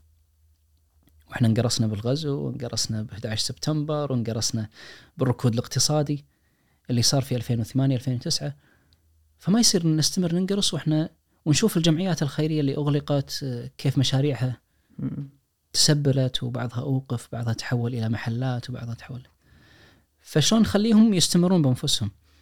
خلال الخمس سنوات في عام 2015 تقريبا بدت هذه الخطة 2010 2011 2015 2016 حققت آه، الصفرية اللي هي الإيرادات تساوي المصروفات ما شاء الله وفي 2016 آه، تقريبا تس- 95% من الطلبة مؤهلين لدخول الجامعة ما شاء الله فبدينا الحين لا آه، الأمر ننشر هالتجربة على جميع مدارسنا بحيث أن نحقق آه، جودة المخرجات في مشاريعنا. مم. نفس الشيء مشروع الدينار على ال- ال- الجمعيات الخيرية اللي تعطيها أنت الدينار تخصم مصروفها الإداري اللي هي تحتاجه وبعدها تصرف على المستفيد. فأنت تفترض أنه مثلا من الدينار 900 فلس وصلت للمستفيد. أنا أفكر شلون دينار اخليه دينار ونص للمتبرع. يوصل للمستفيد دينار ونص. قول شلون؟ شلون؟ قاعد أفكر سؤالك صعب شوية بس قول شلون وصلت دينار ونص؟ آه، في عدة طرق وفي مدارس حديثة قاعد تشتغل بالشيء هذا وإحنا من الناس اللي تبنينا هذا الشيء. مشروع القروض الحسنة. الحين بدال ما أعطي المستفيد سلة غذائية لمدة آه، ثلاث شهور والسلة مثلا تكلف 50 دينار أكون كم اعطيته؟ 150 دينار مم. بينما الفكرة المشروع القروض الحسنة أو القروض المتناهية الصغر أني يعطيها 150 دينار كقرض حسن وأقول لها اختاري من 36 أو من 40 مشروع شو المشروع اللي أنت فالحة فيه؟ أو شنو المشروع عندك أنا أدعمك فيه بحيث أن أرفع مستوى نجاحك؟ وأعطيك دورة في إدارة المشاريع وأعطيك دورة في إدارة المال. هذا ال micro financing micro finance واخلي معاك مدربة وموجهه بصورة شهرية تأخذ منك الفلوس وتدربك وتتابعك مدة سنة. في هالمشروع أنا خليت دينارك سنويا يصرف دينار و600 فلس اللي هي دوران المال نفسه. فأنا وصلت معاك إلى مرحلة إن إلى خمس سنوات أنا يكون دينارك يمكن يوصل خمس دنانير و200 فلس أو 300 فلس أو 400 فلس بسبب إن الاموال صارت أموال دوارة. في هالمشروع أنا من 2015 إلى يومنا هذا أقرضت قرابة 40 ألف امرأة. ان شاء الله 40 ألف امرأة اضربها بخمسة عشان يعطيك عدد المستفيدين اللي هم عدد أسرتها. ال 40 ألف امرأة نسبة السداد عندهم 99.7% مم. بدون ضمان بنكي بدون ضمان قانوني. ورقع عن الحياة بيني وبينهم. لكن أعطيهم حوافز 99 مرة ثانية؟ 99.7% إن شاء الله. أعطيهم حوافز أن اللي تلتزم بسداد قرضها أعطيها قرض مضاعف. مم. فال 150 دينار تصير مثلا 230 دينار أو 250 دينار. وأحطهم كخمس آه، مستفيدات جروب واحد. وأقول إذا واحدة منكم قصرت ترى كلكم محرومين من القرض المضاعف. تحرجهم فهم. مع بعض. فهم إيه، يتفاهمون بينهم وبين بعض. سدد إلى فواحده. تشجع الثانية واحدة إنه- تشجع الثانية وكذا. النجاح مو بنسبة السداد 99.7% لأن يمكن يبدلون قبعات تاخذ قرض عشان تسدد. آه تحصل هذه. إي قد يحصل. أنا نسبة شلون أقيس نسبة نجاحي؟ إنه يجيب طرف ثالث يقيس المشروع ويشوف لي أنا كم نسبة الأسر اللي تحولت من اليد السفلى إلى اليد العليا. شنو اليد السفلى وشنو اليد العليا؟ بين يد تطلب المساعدة وبين يد تعطي. مم. فأنا شلون أحولها؟ آه، أتي للجهه الثالثة وتقيس الأسرة قبل القرض وأثناء القرض وبعد القرض. شنو التحول اللي صار بالأسرة؟ بدايه من السكن اللي هم ساكنينه الأثاث اللي موجود ألعاب الأطفال لبس الأطفال هل شريتي لهم شيء بالعيد ولا ما شريتي لهم؟ الأدوية العلاج المدرسة. بعدين يقيسونه بعد ست شهور هل صار في إنفاق على هذه الأمور اللي ما كان ينفق عليها؟ بعد سنتين شفنا إن 65% من الأسر اللي أقرضناها أصبحت أسر مزكية هي تزكي. ما شاء الله. فهذه نقلة جدا كبيرة. أنا حتى لو 50% أفرح فيها حتى لو 40% أفرح فيها إني نقلت. ما خليتهم على طول يستفيدون الحين بعض ال- ال- الممارسات اللي تصير انه أنا يعني أفتخر كجمعية خيرية إن أنا قاعد أقدم المساعدة للجيل الثالث هذا فشل ما هو نجاح. المفروض من الجيل الأول أنت غيرته خلاص ما يصير الجيل الثاني يطلب المساعدة والجيل الثالث يطلب المساعدة إلى متى؟ هالدوامة لابد تنقلهم من ال ال الاحتياج إلى الإنتاج إنه ينتجون دكتور أنا أذكر ال microfinancing سمعت عنه من 2015 يعني آه، وطريقته اللي حطوه فيها بأن أنت تمول شخص عشان هو يبدي يصرف على نفسه ويمول نفسه كانت بالنسبة لي لما قريت عنها كأنه شيء ثوري. بس من 2015 لليوم ما شفت اللي أنا متوقعه ما أدري إذا كان في تحديات أو لم يسلط عليه. تحديات كبيرة. مثل يعني. آه، التحدي الأول إنه صنعه. صنعة صعبة ما هي سهلة. microfinance. يعني إحنا كنا ندعي انك شغالين بال microfinance قبل 2015 لكن طلع الشغل اللي نشتغله ما هو microfinance شغل جمعيات تعاونية إن نجمع لنا خمس حريم واخذوا فلوس وما ما يلتزمون بالسداد يفشل المشروع ينجح المشروع. ما في أحد مختص يشرف عليهم ما في كذا. عندنا نماذج النجاح وايد حلوة أعطينا كم حرمة كان عندنا مشروع اسمه 200 يورو. أعطينا كم حرمة اشتركوا في الله يكرمكم درام وصابون وخلاطة. وانتقلوا وصاروا مصنع صابون فيها 20 حرمة تشتغل. في نجاحات كانت لكن بالإجمال ما كان microfinance لين جبنا جهة استشارية أسست لنا ال microfinance بالعون واستمروا يشرفون على ال microfinance من 2015 إلى يومنا هذا. ونعطيهم قيمة ما هي سهلة حتى إن يديرون لنا هذا المشروع بكفاءة. مم. الشيء الثاني موضوع ال- ال- النظرة الخيرية للمشروع. أنا فعلا ماخذه من ناحية خيرية لكن تعاملي مع المستفيد مو خيري. أنا أشتغل معك تمويل. لكن قرض حسن. لو أي وحدة تجيني وتقول أنا والله زوجي مخدرات ضيع الفلوس زوجي سكران ضيع الفلوس زوجي. ما في إعفاء من السداد. يرفعون مدير المشروع يرفع على مدير مكتبنا مدير مكتبنا يرفع على رئيس الإقليم رئيس الإقليم إلى المدير إلى نائب المدير إلى المدير العام حتى إنه يعفي. فالإعفاء الإعفاء ما يجي بسهوله مو سهل. ما هي بسهولة إلا بوفاة ولا عجز كلي.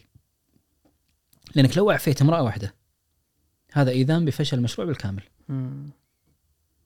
كلهم راح يتناقلون بين ترى عفوا فلانه يلا خلينا نروح نطلب اعفاء فيسوي لك نفس التمثيلية. وبعدين إحنا فاصلين بين المشروع وبين مكتب العون. مشروع اسمه عون لك مفصول عن المكتب الجمعية هذا المكتب الخيري هذا مكتب التمويل. مم. الشيء الأخير اللي أعتقد أنه سبب في آه، عدم نجاح المشروع أنه وايد استفادوا منه ك business شلون؟ فأنا أحط ال microfinance على المستفيد بفائدة شهرية 3% يطلع علي نهاية السنة إيش كثر؟ 36% مم.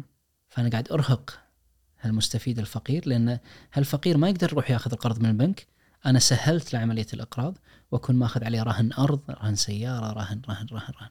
رهونات كثيرة آه، تهلك الفقير. لذلك في كثير من الدول اللي تعتبر ناجحة بال microfinance وعندها ال microfinance من زمان وفي نضج في حجم مساجين من الفقراء كبير. لأنه عجز عن التسديد. لأن عجز عن السداد ونسبة الفائدة عالية. ما هي سهلة. ويتعاملون معاهم ب... إحنا يعني أحيانا نأخر السداد يعني خمس أيام أربع أيام لكن ما نوصل مرحلة أن نودي للسجن ولا. في أي تطورات صارت على العمل الخيري؟ آه، في في نماذج كثيرة. يعني أول شيء آه، النضج في عملية التعليم. القضية ما هي أنك تكفل طالب بس كفل طالب لا شنو الطالب النوعي اللي تكفله؟ آه، شلون آه، تغطي آه، مسألة ال- ال- يسمونهم رواد الأعمال. شلون تأسس رواد أعمال؟ مم. آه، هالمشاريع الآن موجودة في العمل الخيري. آه، عملية ال- ال- النقلة في الآبار.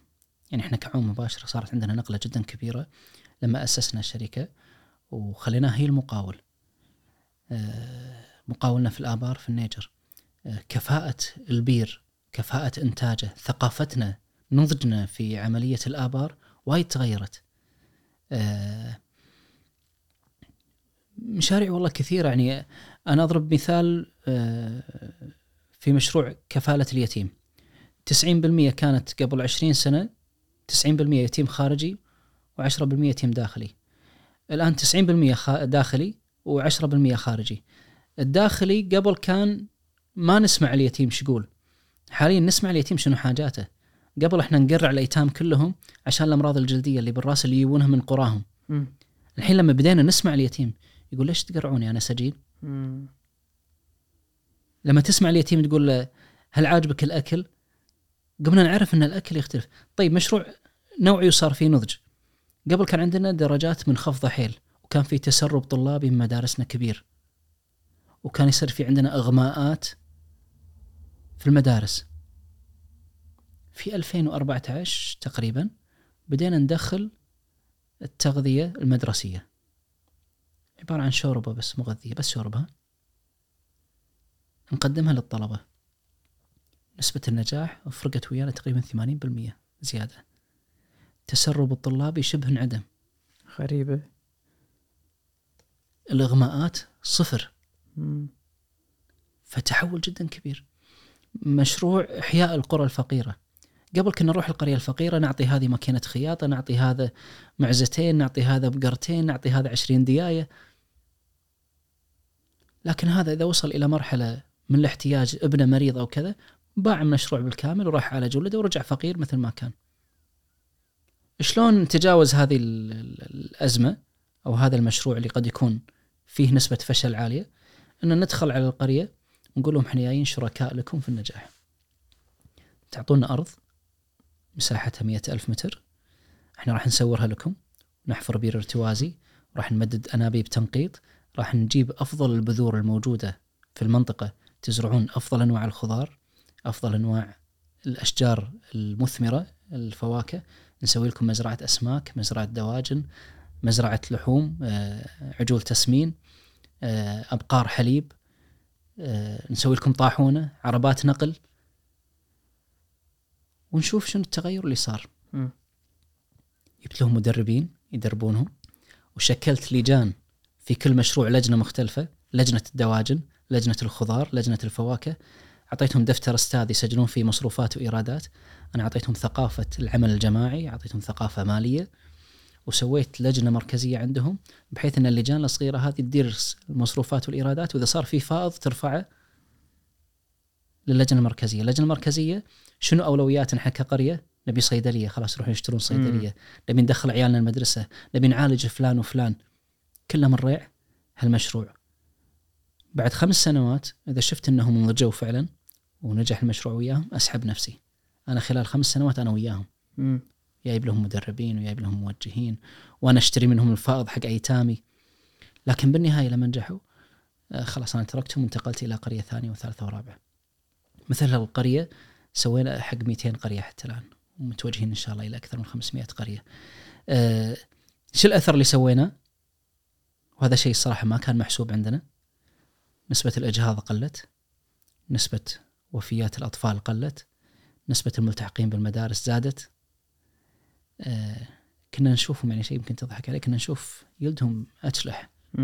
الحين يلقون بالشمس ما شاء الله هذا كله دليل انه آه، سوء التغذية راح آه، حياتهم تغيرت تعليمهم تغير وانت خلاص يعني شبه تمكين الآن اللي سويته لهم وبدا من عيالهم اللي يروحون المدينة الآن و... ما شاء الله. ويدرسون ويكملون دراستهم.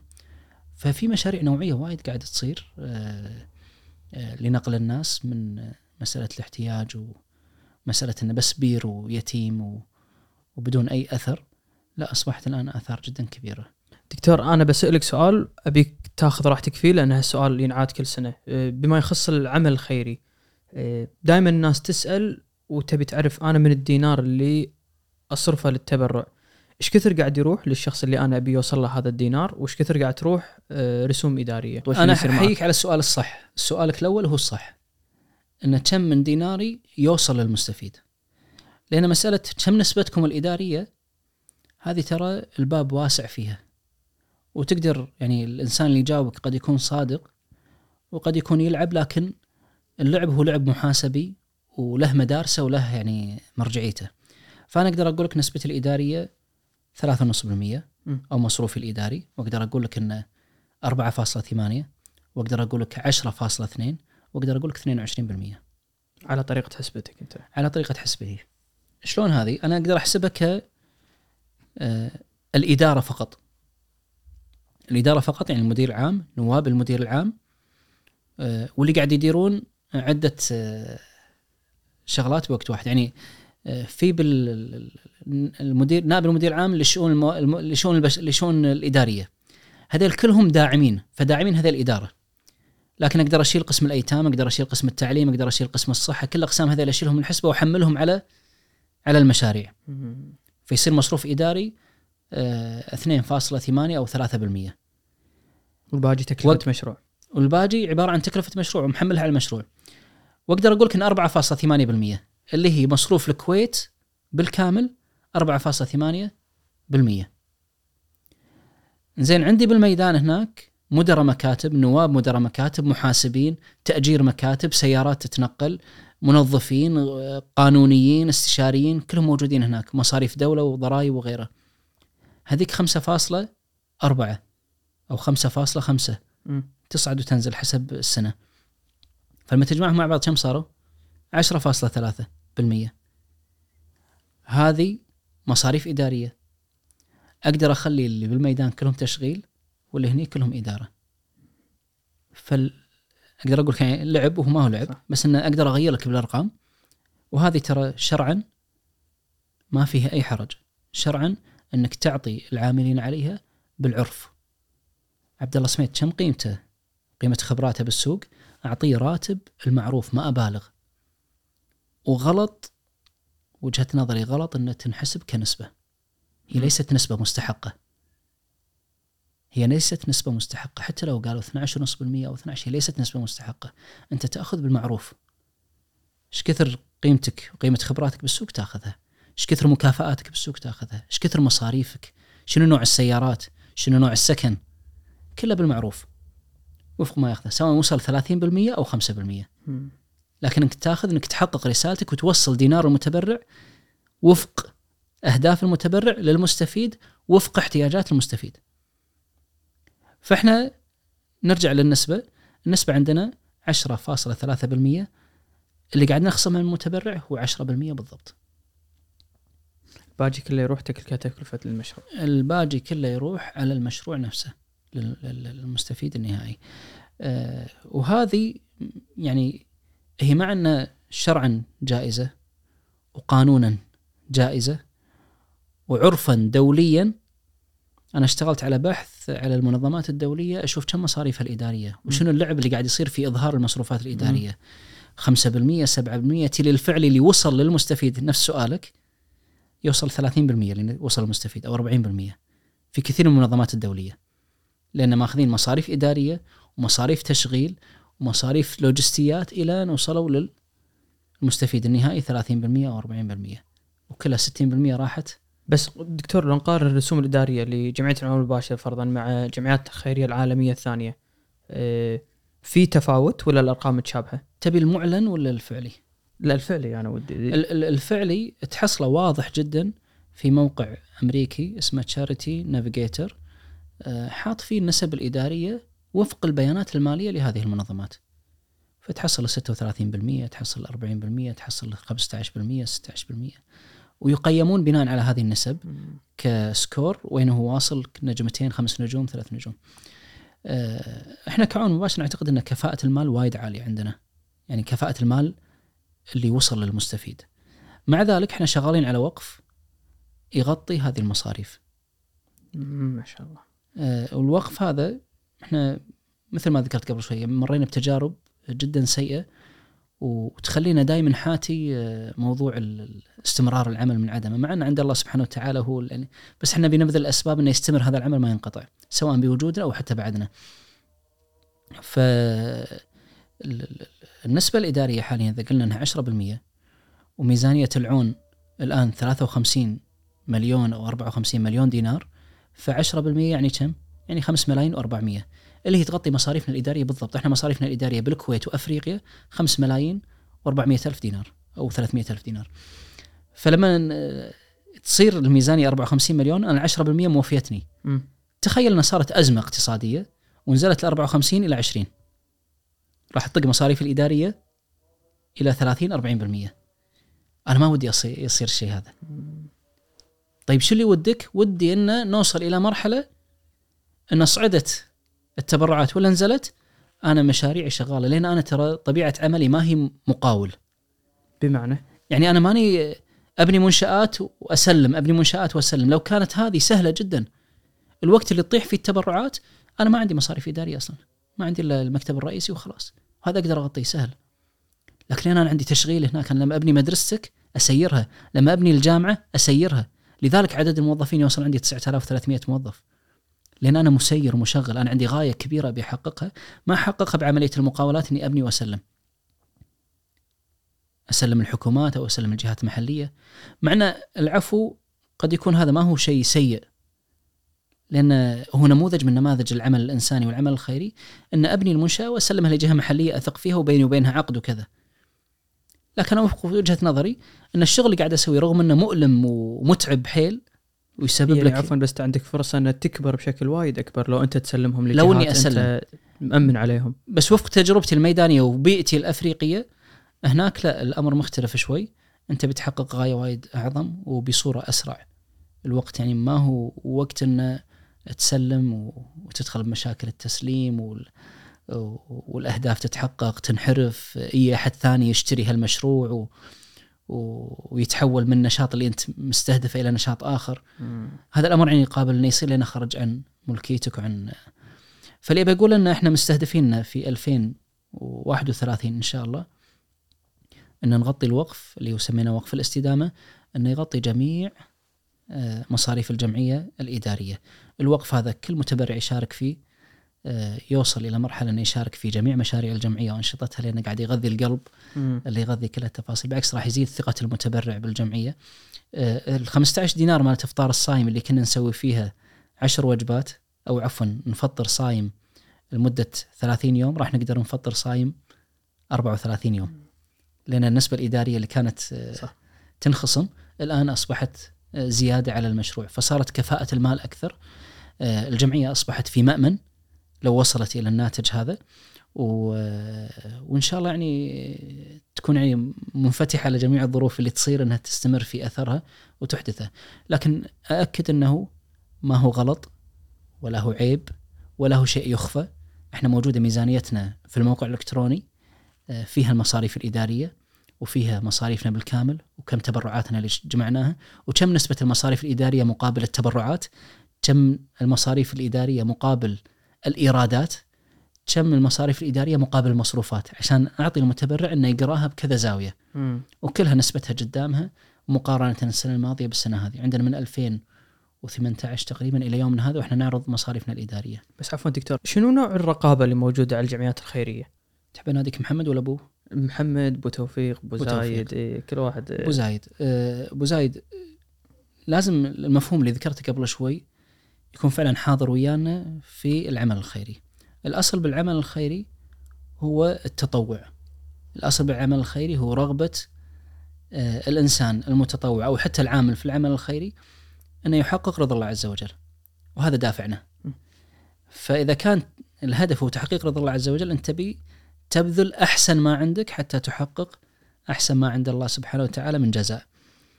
فإذا كان هذا الدافع فأنت كل يوم تشوف شنو الممارسات اللي موجودة ويفترض أنك تسويها آه، أحسن مما هم يسوونها. لذلك أنا دائما أقول إن إحنا كعمل خيري مقارنة بالقطاع الخاص وبالقطاع الحكومي يفترض تصير عندنا إحنا المدارس وهم يتعلمون منا. صح. ليش؟ لأن دافعنا وايد أعظم وغايتنا وايد أعظم. غايتنا أخروية. غايتنا جنات النعيم، غايتنا الفردوس الأعلى من الجنة، غايتنا صحبة محمد صلى الله عليه وسلم. فهالأمر ما ينوخذ بالسهل. لابد انك تبذل وتتعلم وتقرأ وتشوف الممارسات اللي قاعد تصير وشلون تطورها وشلون تحقق أحسن ما عندك حتى تحقق آه، تكسب أحسن ما عند الله عز وجل. فأنا ما أنتظر رقابة أحد. أنا أستشعر رقابة الله سبحانه وتعالى علي. لكن مع ذلك أشوف شنو متطلبات الجهات الحكومية، أشوف شنو الممارسات اللي قاعدة تصير وأحققها عندي. وأحقق فوق ما يطلبون. لذلك الحوكمة لما طبقتها العون المباشر طبقتها قبل المتطلبات أي وزارة من الوزارات. وكنا نحاسب أنفسنا وعندنا تشيك ليست خاص فينا نشوف وين عندنا ثغرات بالحوكمة ما طبقناها وثغرات بالحوكمة ما طبقناها، لما نطبق أنظمة الاليه ليش أطبقها واعور رأسي وأدفع فلوس ومتابعات؟ ليش أداوم بالإجازات؟ ليش آه ما حد طالب مني هالشيء. أنا لما أتكلم بصيغة الفرد ترى أقصد العاملين ما أتكلم كعبد الله. آه فليش يخل ليش يداوم؟ ليش يروح أحيانا يسافر إلى بلدان يفارق اهله وعياله وأحيانا يدفع من جيبه حتى إنه يتعرض لأمراض و... ومغص وسهال وتسمم وش اللي يخليه يروح هناك؟ وهو ما هو مطلوب منه لا من جهة حكومية ولا بس دكتور ما تساعدكم الرقابة؟ يقينا وهذا أنا قاعد أطالب فيه. أنا أطالب من وزارة الشؤون يزيدون، أطالب من وزارة الخارجية ان يزيدون، إنه يزيد التواصل وتزيد التوجيه ويزيد النصح ويزيد حتى التقييم. أنا طالب إنه يكون في تقييم للجمعيات الخيرية بالكويت. تقييم دوري وتحط فيه الثغرات وتحط فيه فرص التحسين وتحط فيه التعديل. أتمنى العمل الخيري الكويتي رغم أن هذا الشيء ما هو موجود إلا أنه في نضج جدا جيد. وجود الرقابة راح يزيد نضج الناس. القضية مو بس نية حسنة أني أدير جمعية خيرية وأني أعمل الصالحات في هالجمعية الخيرية. القضية أنت من قال لك ان أنت خبير في هالشيء؟ ترى صنع العمل الخيري. صنعه مو أي واحد يطلعها إدارة المال أموال كبيرة اللي قاعد آه، تصرف في العمل الخيري. صنع إدارة الأموال. إذا انت أنت دكتور كم قلت لي تقريبا ميزانيتك يعني أنتم أرقامكم معلنة. 54 مليون دينار. هذه آخر سنة. ما شاء الله. أنا مو بس أتكلمك على رقم المبلغ قد يكون المبلغ 54 مليون عبارة عن 54 مشروع.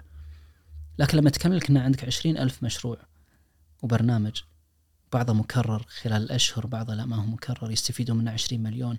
تتكلم على حجم عمليات محاسبية قاعد تتم توصل إلى مليونين وخمسمائة ألف عملية محاسبية ما بين تبرع ومصروف. أنت قاعد تعيش في آه، إدارة أموال صعبة ولا هي سهلة. لابد أنه يكون بعد توفيق الله سبحانه وتعالى عندك تنظيم داخلي آه، مميز وكفاءات مميزة تأخذهم بأكفأ ما يكون بالسوق. وتجيبهم تعينهم عندك. هذا من الإحسان. هذا شلون تصير دكتور؟ من الإحسان. بس دكتور شلون تنافسون القطاع الخاص باستقطاب المواهب؟ يعني أكيد كجمعيات خيرية المفروض إن القطاع الخاص عنده القدرة بانه يدفع مبالغ أكبر للكفاءات اللي موجودة في السوق. إحنا مرينا بمراحل مرحلة إن آه، ناخذ اللي موجود بالسوق. يعني آه، تقبل براتبي حياك الله ما تقبل بكيفك. بعدين شفت إن المستوى الكفاءات اللي موجودة ما هي بالمستوى المطلوب. فبدينا نرفع من معيار ونشوف شنو الرواتب اللي بالسوق وسوينا دراسة مقارنة على القطاع الخيري والقطاع الخاص والقطاع الحكومي. كم رواتب المحاسب اللي بالمهارات الفلانية. فنلقى إن راتبه أكثر من راتبنا مثلا ب 300 400 فأنت إذا فعلا تبي كفاءة في المحاسبة المالية لابد إنك ترفع راتبك إلى المستوى اللي تجيب فيه الكفاءات. فبدينا نرفع تدريجيا هي ما رفعت مره واحدة. وبنفس الوقت انت لابد ان حتى ما تنخبص المصاريف الإدارية عندك وتوصل لنسبة جدا عالية يكون الرفع بمستوى الإيرادات اللي قاعد ترتفع عندك. فتوفيق الله سبحانه وتعالى يعني مارسنا عدة ممارسات خلتنا نرفع الإيرادات وبنفس الوقت نرفع الكفاءات والكفاءات هذه اللي قاعد نطلبها هي قاعد تزيد الإيرادات لي م. ما قاعد تقللها لأن كفاءة المصروف وكفاءة الإيراد هو قاعد يوفر لي بالنهاية وأنا محقق راتبه وأضعافه بس تحرصون تاخذون معاكم المتبرعين دام إنه لما تشوف الشيء وتلمسه غير ما تشوفه بصورة يعني لا إحنا أثر هذا. حريصين على هذا الشيء آه، لكن للحين ما وصلنا إنه يكون آه، شيء منظم. انه يعني نجهز سفرات خاصة للمتبرعين مجدوله في وقت فلاني وللدول الفلانية. بدينا فيها قبل كورونا وخططنا لها وسبحان الله كورونا وخربت. الآن راجعين لها من جديد. لكن في كثير من المتبرعين قاعد ناخذهم ويانا. بعضهم آه، نجهز لهم رحلتهم. يروحون يشوفون مشاريعهم يكون معاهم أحد من الكويت أو يستقبلهم مكتبنا هناك ويسوي لهم الجولة كاملة ويرجعون. في بعضهم يكون رايحين سياحة يقول نبي نمر على مشاريعكم. إيه، ما شاء الله. فنقول لهم حياكم الله يمرون على المشاريع يصير لهم يوم مع الأيتام جولة وكذا. بس دكتور من جانب آه، تسويقي خلينا نقول يعني أنت أكيد في شرائح معينة تستهدفها. منو تفضل آه، شريحة على الثانية؟ آه، شوف كل الشرائح هي شرائح مؤثرة ونبي نكون وياهم شركاء بالخير.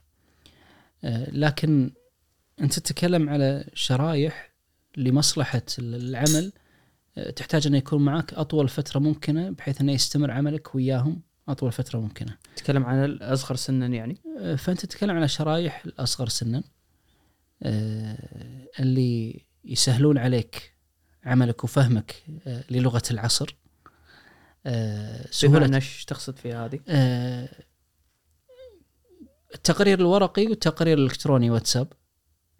آه عملية التبرع المباشر ولا تدخل خلال نص دقيقة أنت مخلص تبرعك على ال website ولا تبي مندوب يجيلك كل هذه ترى تفرق وايد يعني حتى بكورونا صارت واضحة ويانا إن آه شنو تأثير شريحة صغار السن على تعاملها مع ظروف كورونا والأغلاق؟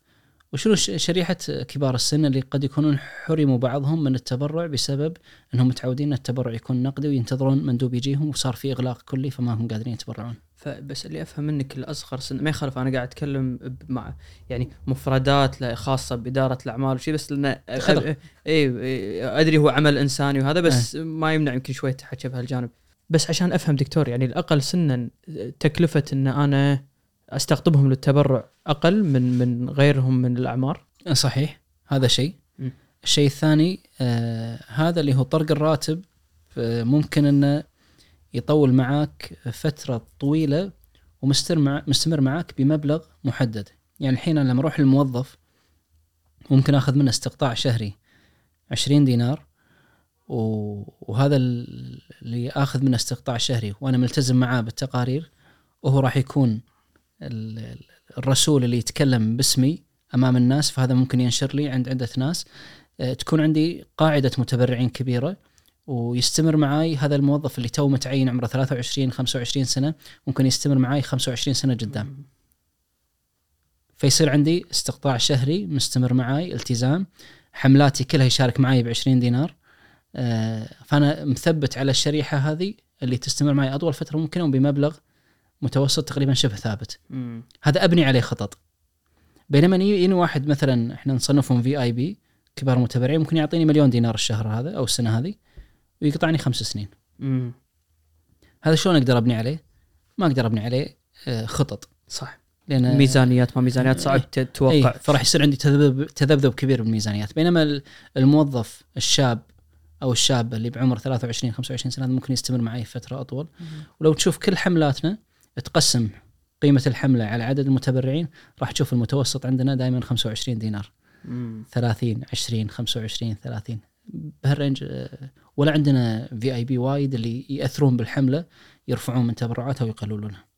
أنا بمقابلة حق الوالد رحمة الله عليه أذكر كان يقول إنه تفاعل النساء أكثر من من الذكور. صحيح. لليوم هالشيء؟ لليوم هذا الشيء تحصلهم من 60 ل 75% أحيانا ترتفع وتنزل. ما شاء الله. آه، العاطفة عندهم أكثر و... وصرف المال عندهم أكثر من الرجل يعني في الجانب دكتور هذا موضوع التصوير كل سنة يدور حوله جدل. أه يعني كثير من الناس يدعون بأن هذا التبرع المفروض يكون بالسر ولا لا حاجة أن الشخص المتبرع يصور نفسه ولا يصور الشخص اللي محتاج وهو قاعد يستلم التبرعات. لازم نفرق بين عملية ال- ال- العمل الشخصي وإن أنا موكل من الغير. الحين من يدري عن عبد الله سميط كم أنفق؟ أو من يدري عن عبد الله سميط آه، كم واحد ساعد؟ ولا وين راح؟ وين رد؟ هذا أمر يخصني وأحتسب فيه عند الله سبحانه وتعالى وإخلاص وكذا وكذا. بينما أنا موكل من متبرعين وأنا مرصود من جهات كثيرة رقابية وجهات معادية وجهات محبة لكن راح تزيد محبتها إذا شافت أثر عملها. وهذا بالفعل اللي صار لنا. من بداية التأسيس الجمعية كان الوالد رحمة الله عليه اللي يشوفه يقول هذا إنسان خريج إعلام. من كثر ما كان يصور يوثق وينقل للناس أيام سلايدات ال negative السوداء وكان عنده بروجيكتور تشك تشك تشك اللي يدور ويطلع الصور يعكسها. فكان يدور بالدواوين ومعاه البروجيكتور هذا. وزنه 15 كيلو هالبروجيكتور يشيله وياه وين ما راح سابق عصره. سابق عصره ويوثق لهم. هذه القرية اللي زرناها هذا الإنسان اللي فيه هذا البير هذا ال- المشروع هذه المدرسة. فش اللي خلى الناس تثق فيه؟ لو إنه ساكت ومو ناقل هذه الأشياء ولا مصورها هل تتوقع نفس الثقة؟ لا ما هو نفس الثقة أكيد. فأنت قاعد تنقل للناس أثر تبرعهم مو القص... مو القضية إخلاص وعدم إخلاص ولا القضية إذلال المستفيد. بالعكس لها أدبيات آه، عملية تصوير المستفيد. مثل؟ آه، آه، ما تصوره في في شكله ما يرضاه. يعني أنا ما أطلع طفل آه، عاري آه، قدام أمه بدون ما أبلغ أمه وأستأذن منها لأن قد تكون مرة جينا بنصور طفل قالت لحظة راحت كشخته ولبسته و- ومسحت خشمه كان عشان يطلع ولدها بصورة جميلة. ما حد يرضى إن ولده يطلع بأسوأ صورة. الشيء الثاني آه، لغة ال- ال- ال- الناس في تفاعلها مع المشاريع اختلفت من الثمانينات إلى التسعينات إلى الألفين إلى ما فوق ال 2010 و 2020 الناس آه، سابقا كان آه، يعني تسحبها الدمعة من يمسح دمعة هذا المسكين. كانت أول حصالة عندنا وهذه أول صورة. وكانت مؤثرة ومسوية ترند بالكويت وبالخليج. الحين الناس ما تبي تشوف الصورة المأساوية. تبي تشوف ما بعد الصورة المأساوية الابتسامه تبي تشوف شنو التغير اللي صار. تعبت الحين من تشوف شيء بالعكس كثير الآن ما قاعد يطلعون فيديوهات مؤلمة ولا قاعد يطلعون صور مؤلمة بالعكس يطوفون هذا شافوها بسناب أو كذا. يبون الفرحة. يبون الفرحة يبون الأثر. مباشرة. فيقول خلاص أنت عطني الأثر اللي تسويه وأنا أدعمك. فدائما تصور آه، تطلع الفيديوهات والصور فرايحيه أكثر منها حزن. وهذا ما يلغي دور آه، الصورة الحزينة اللي ممكن نطلعها بين فترة وفترة اللي تنقل الواقع لكن ما يكون هي اللغة الدائمة مع المتبرعين. تصنيف المتبرعين آه، أنت لازم تصنفهم أن كبار سن آه، متوسطين وصغار سن. دكتور أكيد في أحداث أثرت على العمل الخيري. يعني إحنا نتكلم من أحداث سبتمبر. طلع عندنا موضوع فرضا بالكويت شككوا بالأموال اللي قاعد تطلع من الجهات والجمعيات الخيرية. فابي أعرف آه، تعاملكم فرضا مع الحكومات عالميا اختلف عربيا نتكلم حتى خليجيا في الدول المجاورة بالكويت هل في صارت قيود أكثر شنو اللي صار معاكم؟ ولازم نعرف إن قبل الأحداث وبعد الأحداث الأمر مختلف إحنا بس نتكلم سبتمبر ها؟ إي على سبتمبر وأي أحداث تصير مشابهة آه، سواء داخلية محلية أو إقليمية أو دولية لها تبعاتها. آه، الأمر أنت شلون كجمعية خيرية تكون ناضج في عملية إدارة المخاطر. وإدارة المخاطر إنك تتوقع آه، أحداث تجيك وتكون عندك ثغرات آه، في عملك تحاول تسد هذه الثغرات وتكون ممارساتك وايد أحسن مما هو متوقع منك. م. وهذا نرجع انه ترى هو أصل عندنا ودافع اللي هو الإحسان. آه، مو عشان إدارة مخاطر ولا عشان كذا بس حتى إنك يستمر عملك ويستمر إحسانك لابد إنك ت- تعيش هذه ال- ال- ال- الأجواء وإنك تستشعر إنه أنت مقصود من كل جهة ولابد إنه يكون عندك نضج. ما تكون آه، معذرة على الكلمة درويش في هالأمور. لابد إنك تفهم وتفتح عيونك اربعه تشوف شنو المخاطر الموجودة عندك وشلون راح تتعامل مع هذه المخاطر. كمثال آه، بعد أحداث 11 سبتمبر مرت علينا إحدى الجهات الرقابية الدولية. في مكتبنا في كينيا آه، وطلبوا بصورة رسمية فتح جميع الملفات. فتحنا لهم جميع الملفات قروا ورقة ورقة. آه، بعدين يابوا واحد عربي من نفس جنسيتهم من أصول عربية قال افتح الملفات العربية فتح الملفات العربية. ما وجدوا دينار مجهول المصدر ولا مجهول جهة الإنفاق ولا مجهول كيف تم تحويله. آه هذا نتاج توفيق الله سبحانه وتعالى وستره ونتاج إنه في ممارسة مالية على مستوى عالي بحيث إنه ما في أموال تكون غير مرصودة داخل الجمعية. تعرف الدينار كيف دخل لك وكيف حولته وكيف صرفته. وقتها حتى الكاش ولا حتى الكاش مم. أنا أتكلم حتى الكاش يعني حتى لو كان في سعة من الجهات الرقابية في فترة من الفترات أنت داخليا قاعد تراقب نفسك وتحاول إنه ما يضيع هذا الشيء لما ذكرت قبل شوي على مسألة كفاءة العاملين فلما أحط بالإدارة المالية آه، كفاءات عالية وأعطيها يعني آه، رواتب أو مصاريف تعادل رواتب السوق إن لم تكن أكثر. وأجيب اكفأ اكفأ من هو في السوق آه، حتى إني أوصل هذا الدينار بأعلى كفاءة ممكنة لل لل- للمستفيد النهائي وأربح المتبرع إنه ما يخسر فلوسه. أنا الآن عندي 42 سنة. وعندي سبع درجات من الرقابة. من المحاسب الميداني إلى المراقب اللي يراقب المحاسبين الميدانيين إلى رئيس قسم المراقبة إلى المدير المالي إلى نائب المدير العام المالية إلى مكتب التدقيق الداخلي إلى لجنة التدقيق التابعة لمجلس الاداره إلى مكتب التدقيق الخارجي. إلى الشخص عندي ما هو محسوب على أي box من الهيكل هذا فقط يروح يدور من غير إذن ولا شيء بس يطب عليك المكتب تفضل افتح لي الفواتير افتح لي الخزنة أشوف اطابق الفواتير مع ال system اطابق الفواتير مع المورد مع وضعك البنكي وحساباتك البنكية مع المستفيد ووجود المشروع. كل هالدرجات ولا أسلم. ولا أسلم. ما أقول لك إن أنا وصلت إلى مرحلة الدقة المية بالمية لا ولا أسلم. مع ذلك أنا أعتقد إني وصلت إلى درجة جدا كبيرة من النضج في عملية الرقابة المالية والمحافظة. هذا مو بس يعني لما اعين جيش من المحاسبين وادفع عليهم فلوس. هي مو خسارة. أنا قاعد أحافظ على هالدينار شلون ينصرف بأعلى كفاءة ممكنة وبرقابة داخلية. ما حد طلب مني أعين هالجيش من المحاسبين ولا هالدرجات من المحاسب. أقدر أكون عندي محاسب واحد يجيني التبرع وأحول الفلوس للجمعية المحلية هناك. الله يعافيك نفذ لي المشروع الفلاني.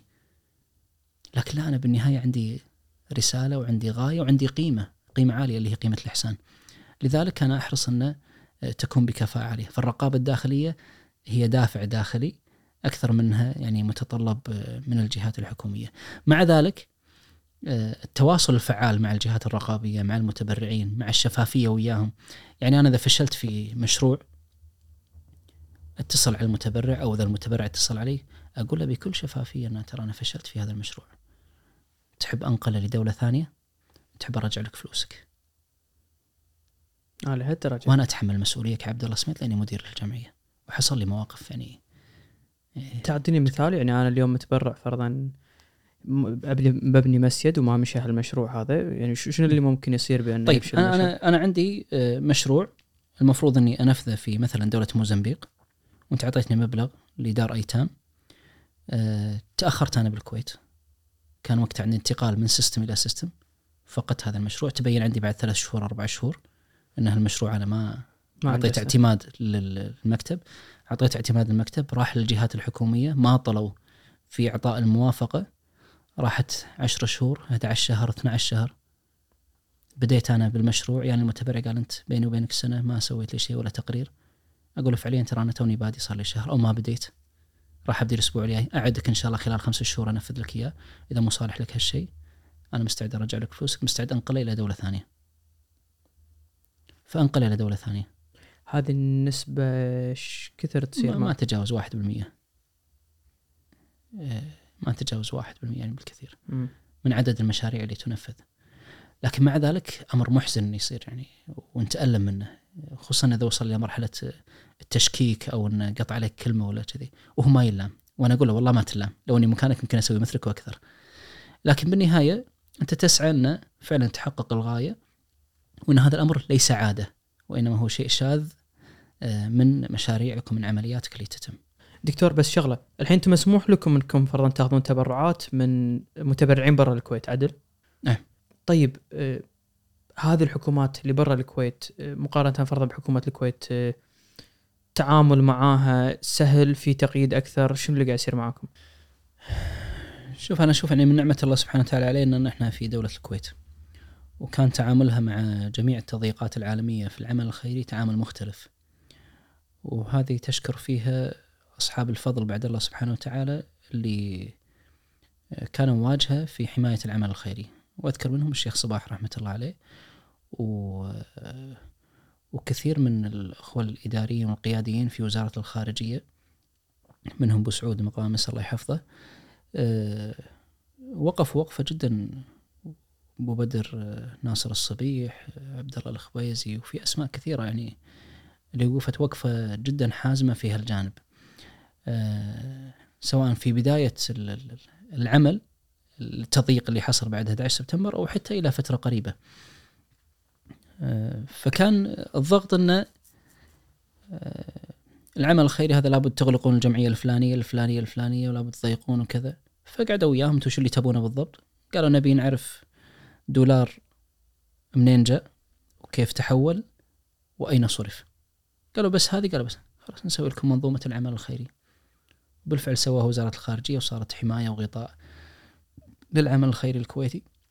وهذه أنا اعتبرها من الفتوحات اللي صارت. على العمل الخيري الكويتي وصارت حماية. إن الجمعية اللي تبي تحول تحول عن طريق المنظومة الخيرية.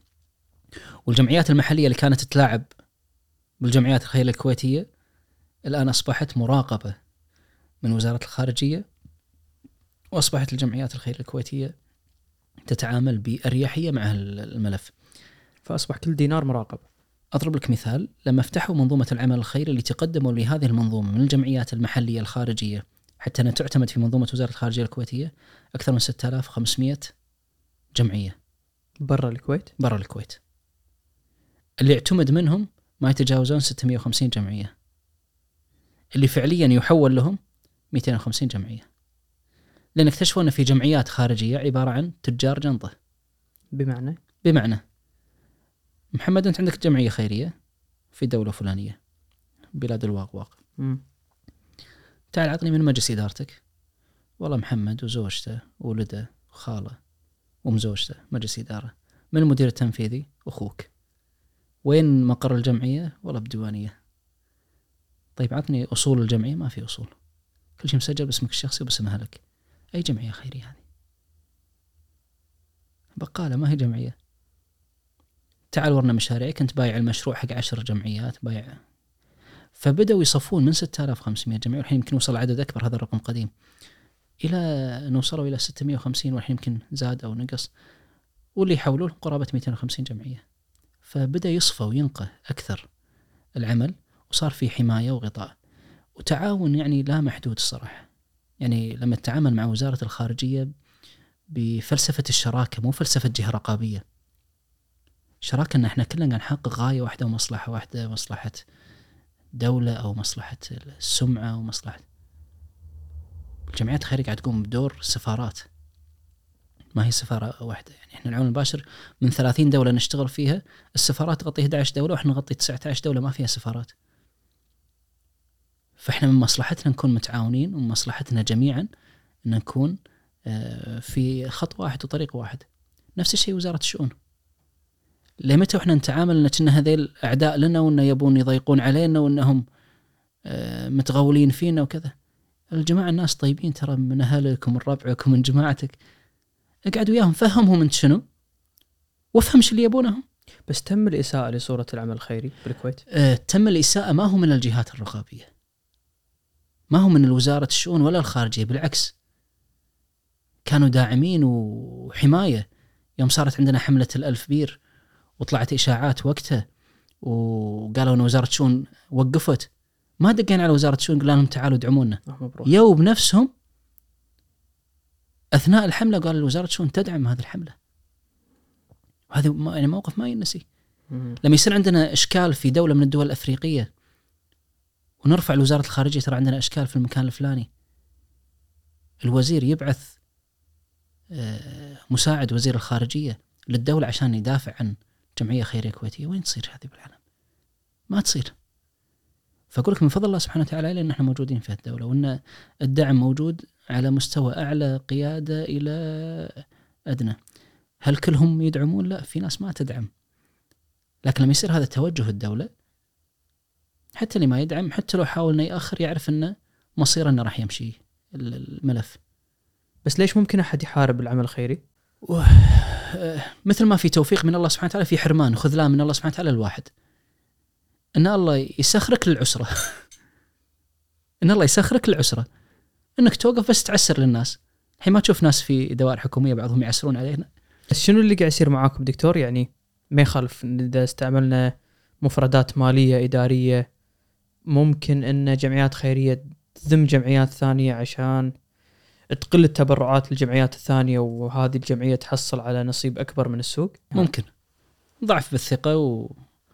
وإنه مو شايف نفسه شيء فلذلك يحاول يعوض بالإساءة للآخرين. بينما الأصل آه، أنا يجوني كثير من المتبرعين يبون مشروع معين ما هو عندي أقول أروح الجمعية الفلانية أروح الجمعية الفلانية أروح وأدق على مدير الجمعية أقول له ترى بيك المتبرع الفلاني حولت لك. أنا بهالمشروع أنا ماني ناجح ترى في ناس ناجحين فيه وسووا روحوا لهم أحسن مني. بالعكس هذه النظرة الصحيحة إنك يعني تشعر بالتكامل مو بالتضاد ولا بالتنافس. إحنا كلنا غايتنا واحدة وبالذات يعني إن غايتنا أخروية ما هي دنيوية مو كم حققت ربحية يعني الشركات الاتصالات البنوك أنا ما عندي مشكلة إذا تنافسوا وطقوا عظام بعض وكسروا عظام بعض وكسرت خشب بس أنت لا أنت غايتكم واحدة كلكم غايتكم أخروية اللي يدخل في هالجانب اعرف إن الغاية الأخروية عنده غايبة. يبي إنه يطلع بالنجاح حتى لو على حساب الغاية الأخروية. بس دكتور أنت عندك فرضا مجلس إدارة يحاسبك يعني إذا أنت السنة اللي فاتت محقق 50 مليون أكيد بيسألك إذا أنت تحس إنه محقق 25 أو 30 بس. عادي. أنا أقول بذلت العناية بذلت الجهد إني أحقق الهدف المطلوب مني لكن ما تحقق. من غير ما أكسر الغير. أنا أطلع عيوبي وأقول ترى أنا أخطيت في كذا وأنا قصرت في كذا وإن شاء الله نصحح في الجانب الفلاني. أنا مجلس إدارة ترى يضغط علي في جوانب كثيرة. ويقول لي روح جيب لك شركة استشارية من أمريكا ولا بريطانيا عشان تسوق عدل وتهاوش وياهم إن إحنا أحسن ناس نسوق وكل الناس تمدح وإحنا نعطي دورات وإحنا نعطي كذا وأنتم تقولوا لي أنتم فاشلين بالتسويق وكذا. فيصير بس ما أروح أكسر الغير وأقول لا ترى إحنا أحسن لأن غيرنا سيئين. لا بالعكس وامدح وبالعكس المؤسسة اللي أشوفها كانت تقفز وتعطينا روح المنافسة ونزلت أروح لهم ازورهم. أقول لهم ترى أنتم اللي كنتوا تعطونا روح المنافسة نبيكم نبي أحد يعطينا إنه لا ترى في شيء لازم نسويه. آه، فتره بالإنسان يعني تحتاج أي. شخص ينافسك. أي. لكن في ناس إيش يصير؟ انه لما يشوف اللي ينافسك طاح يفرح. يشعر إنه خلاص هو في القمة وما في أحد وياه. بينما إذا أنت غايتك واضحة آه، بالعكس حتى لو تشوف واحد أصغر جمعية وما صار لها سنتين وفاقتك تفرح لها. لأن بالنهاية غايتهم هو رضا الله عز وجل وتحقيق غاية المستفيد وخدمتهم.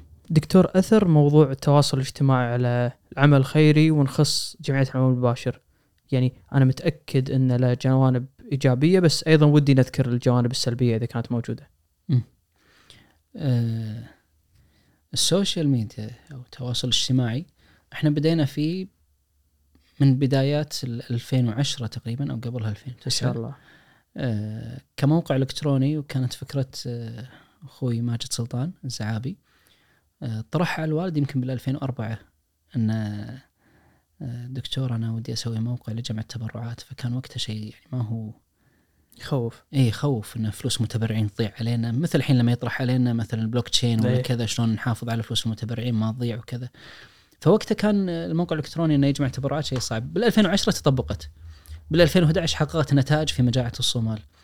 آه، بداية تويتر إحنا من أوائل الناس اللي يعني شاركنا كجمعيات خيرية. من الجمعيات الخيرية إحنا من أوائل الناس شاركنا. طلع إنستغرام دخلنا دخل سناب شات دخلنا.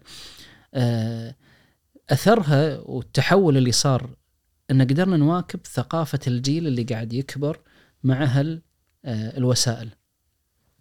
وأثرها كان علينا إن صرنا من بداية استخدام وسائل التواصل هذه استخدمناها في جمع التبرعات. اللي وصلنا فيها المرحلة إن نجمع في يوم واحد خلال 12 ساعة خمسة ونص مليون دينار. شاء الله. آه هذه يعني آية. طبعا ما صارت بيوم وليلة هي تدريج تراكم آه تجارب مع المتبرعين ولاء المتبرعين و وثقتهم وبناء ثقتهم. آه إلى أن وصلت إلى أن تكون في هذه أن يشاركون وياك في حملة من الحملات 120 ألف متبرع آه هذا ال- الرقم ما حد يحلم فيه بالتسعينات ولا بالثمانينات ولا حتى إحنا نحلم فيه حتى بداية ال 2010 مم. أنه يشارك ويانا خلال 12 ساعة 120 ألف متبرع وتجمع مثلا 5 مليون ولا 3 مليون ولا 2 مليون آه هذا التحول صار أن اللي مسكوا الشغل آه ناس أهل صنعاء. وشباب ويفهمون عقلية الشباب اللي أمامهم ويفهمون أدوات استخدام هالقنوات اللي هي خطرة مثل ما هي آه، إيجابية. خطورتها بطبيعة تواصلك ومعايير تواصلك مع الناس. هل تتواصل بلغة شعبية ولا بلغة رسمية؟ شنو الأفضل لهم؟ آه، شنو طبيعة الردود؟ أحيانا ردك يكون تهمه عليك وينصاد وسكرين كابتشر وينتشر. آه، الصورة اللي تحطها هل موافقة لمبادئك وقيمك ولا مخالفة؟ يعني الحين أنا آه، طبيعة ال- البيئات اللي أشتغل فيها انه يكثر عندهم العري واللبس القصير ورقص الحريم آه، احتفالياتهم في حفر الاب في افتتاح البير ولا افتتاح المدرسة ولا كذي يعني أنا تصير لي مواقف أقول الحمد لله أنا ما في كاميرات قاعد تصور لأنه موقف جدا حرج يعني. تشوف اللبس ولا الرقص آه، فتحاول توقفهم تحاول كذا لكن أنت عايش ببيئة هذه احتفالاتهم هذه طريقة آه، ثقافتهم.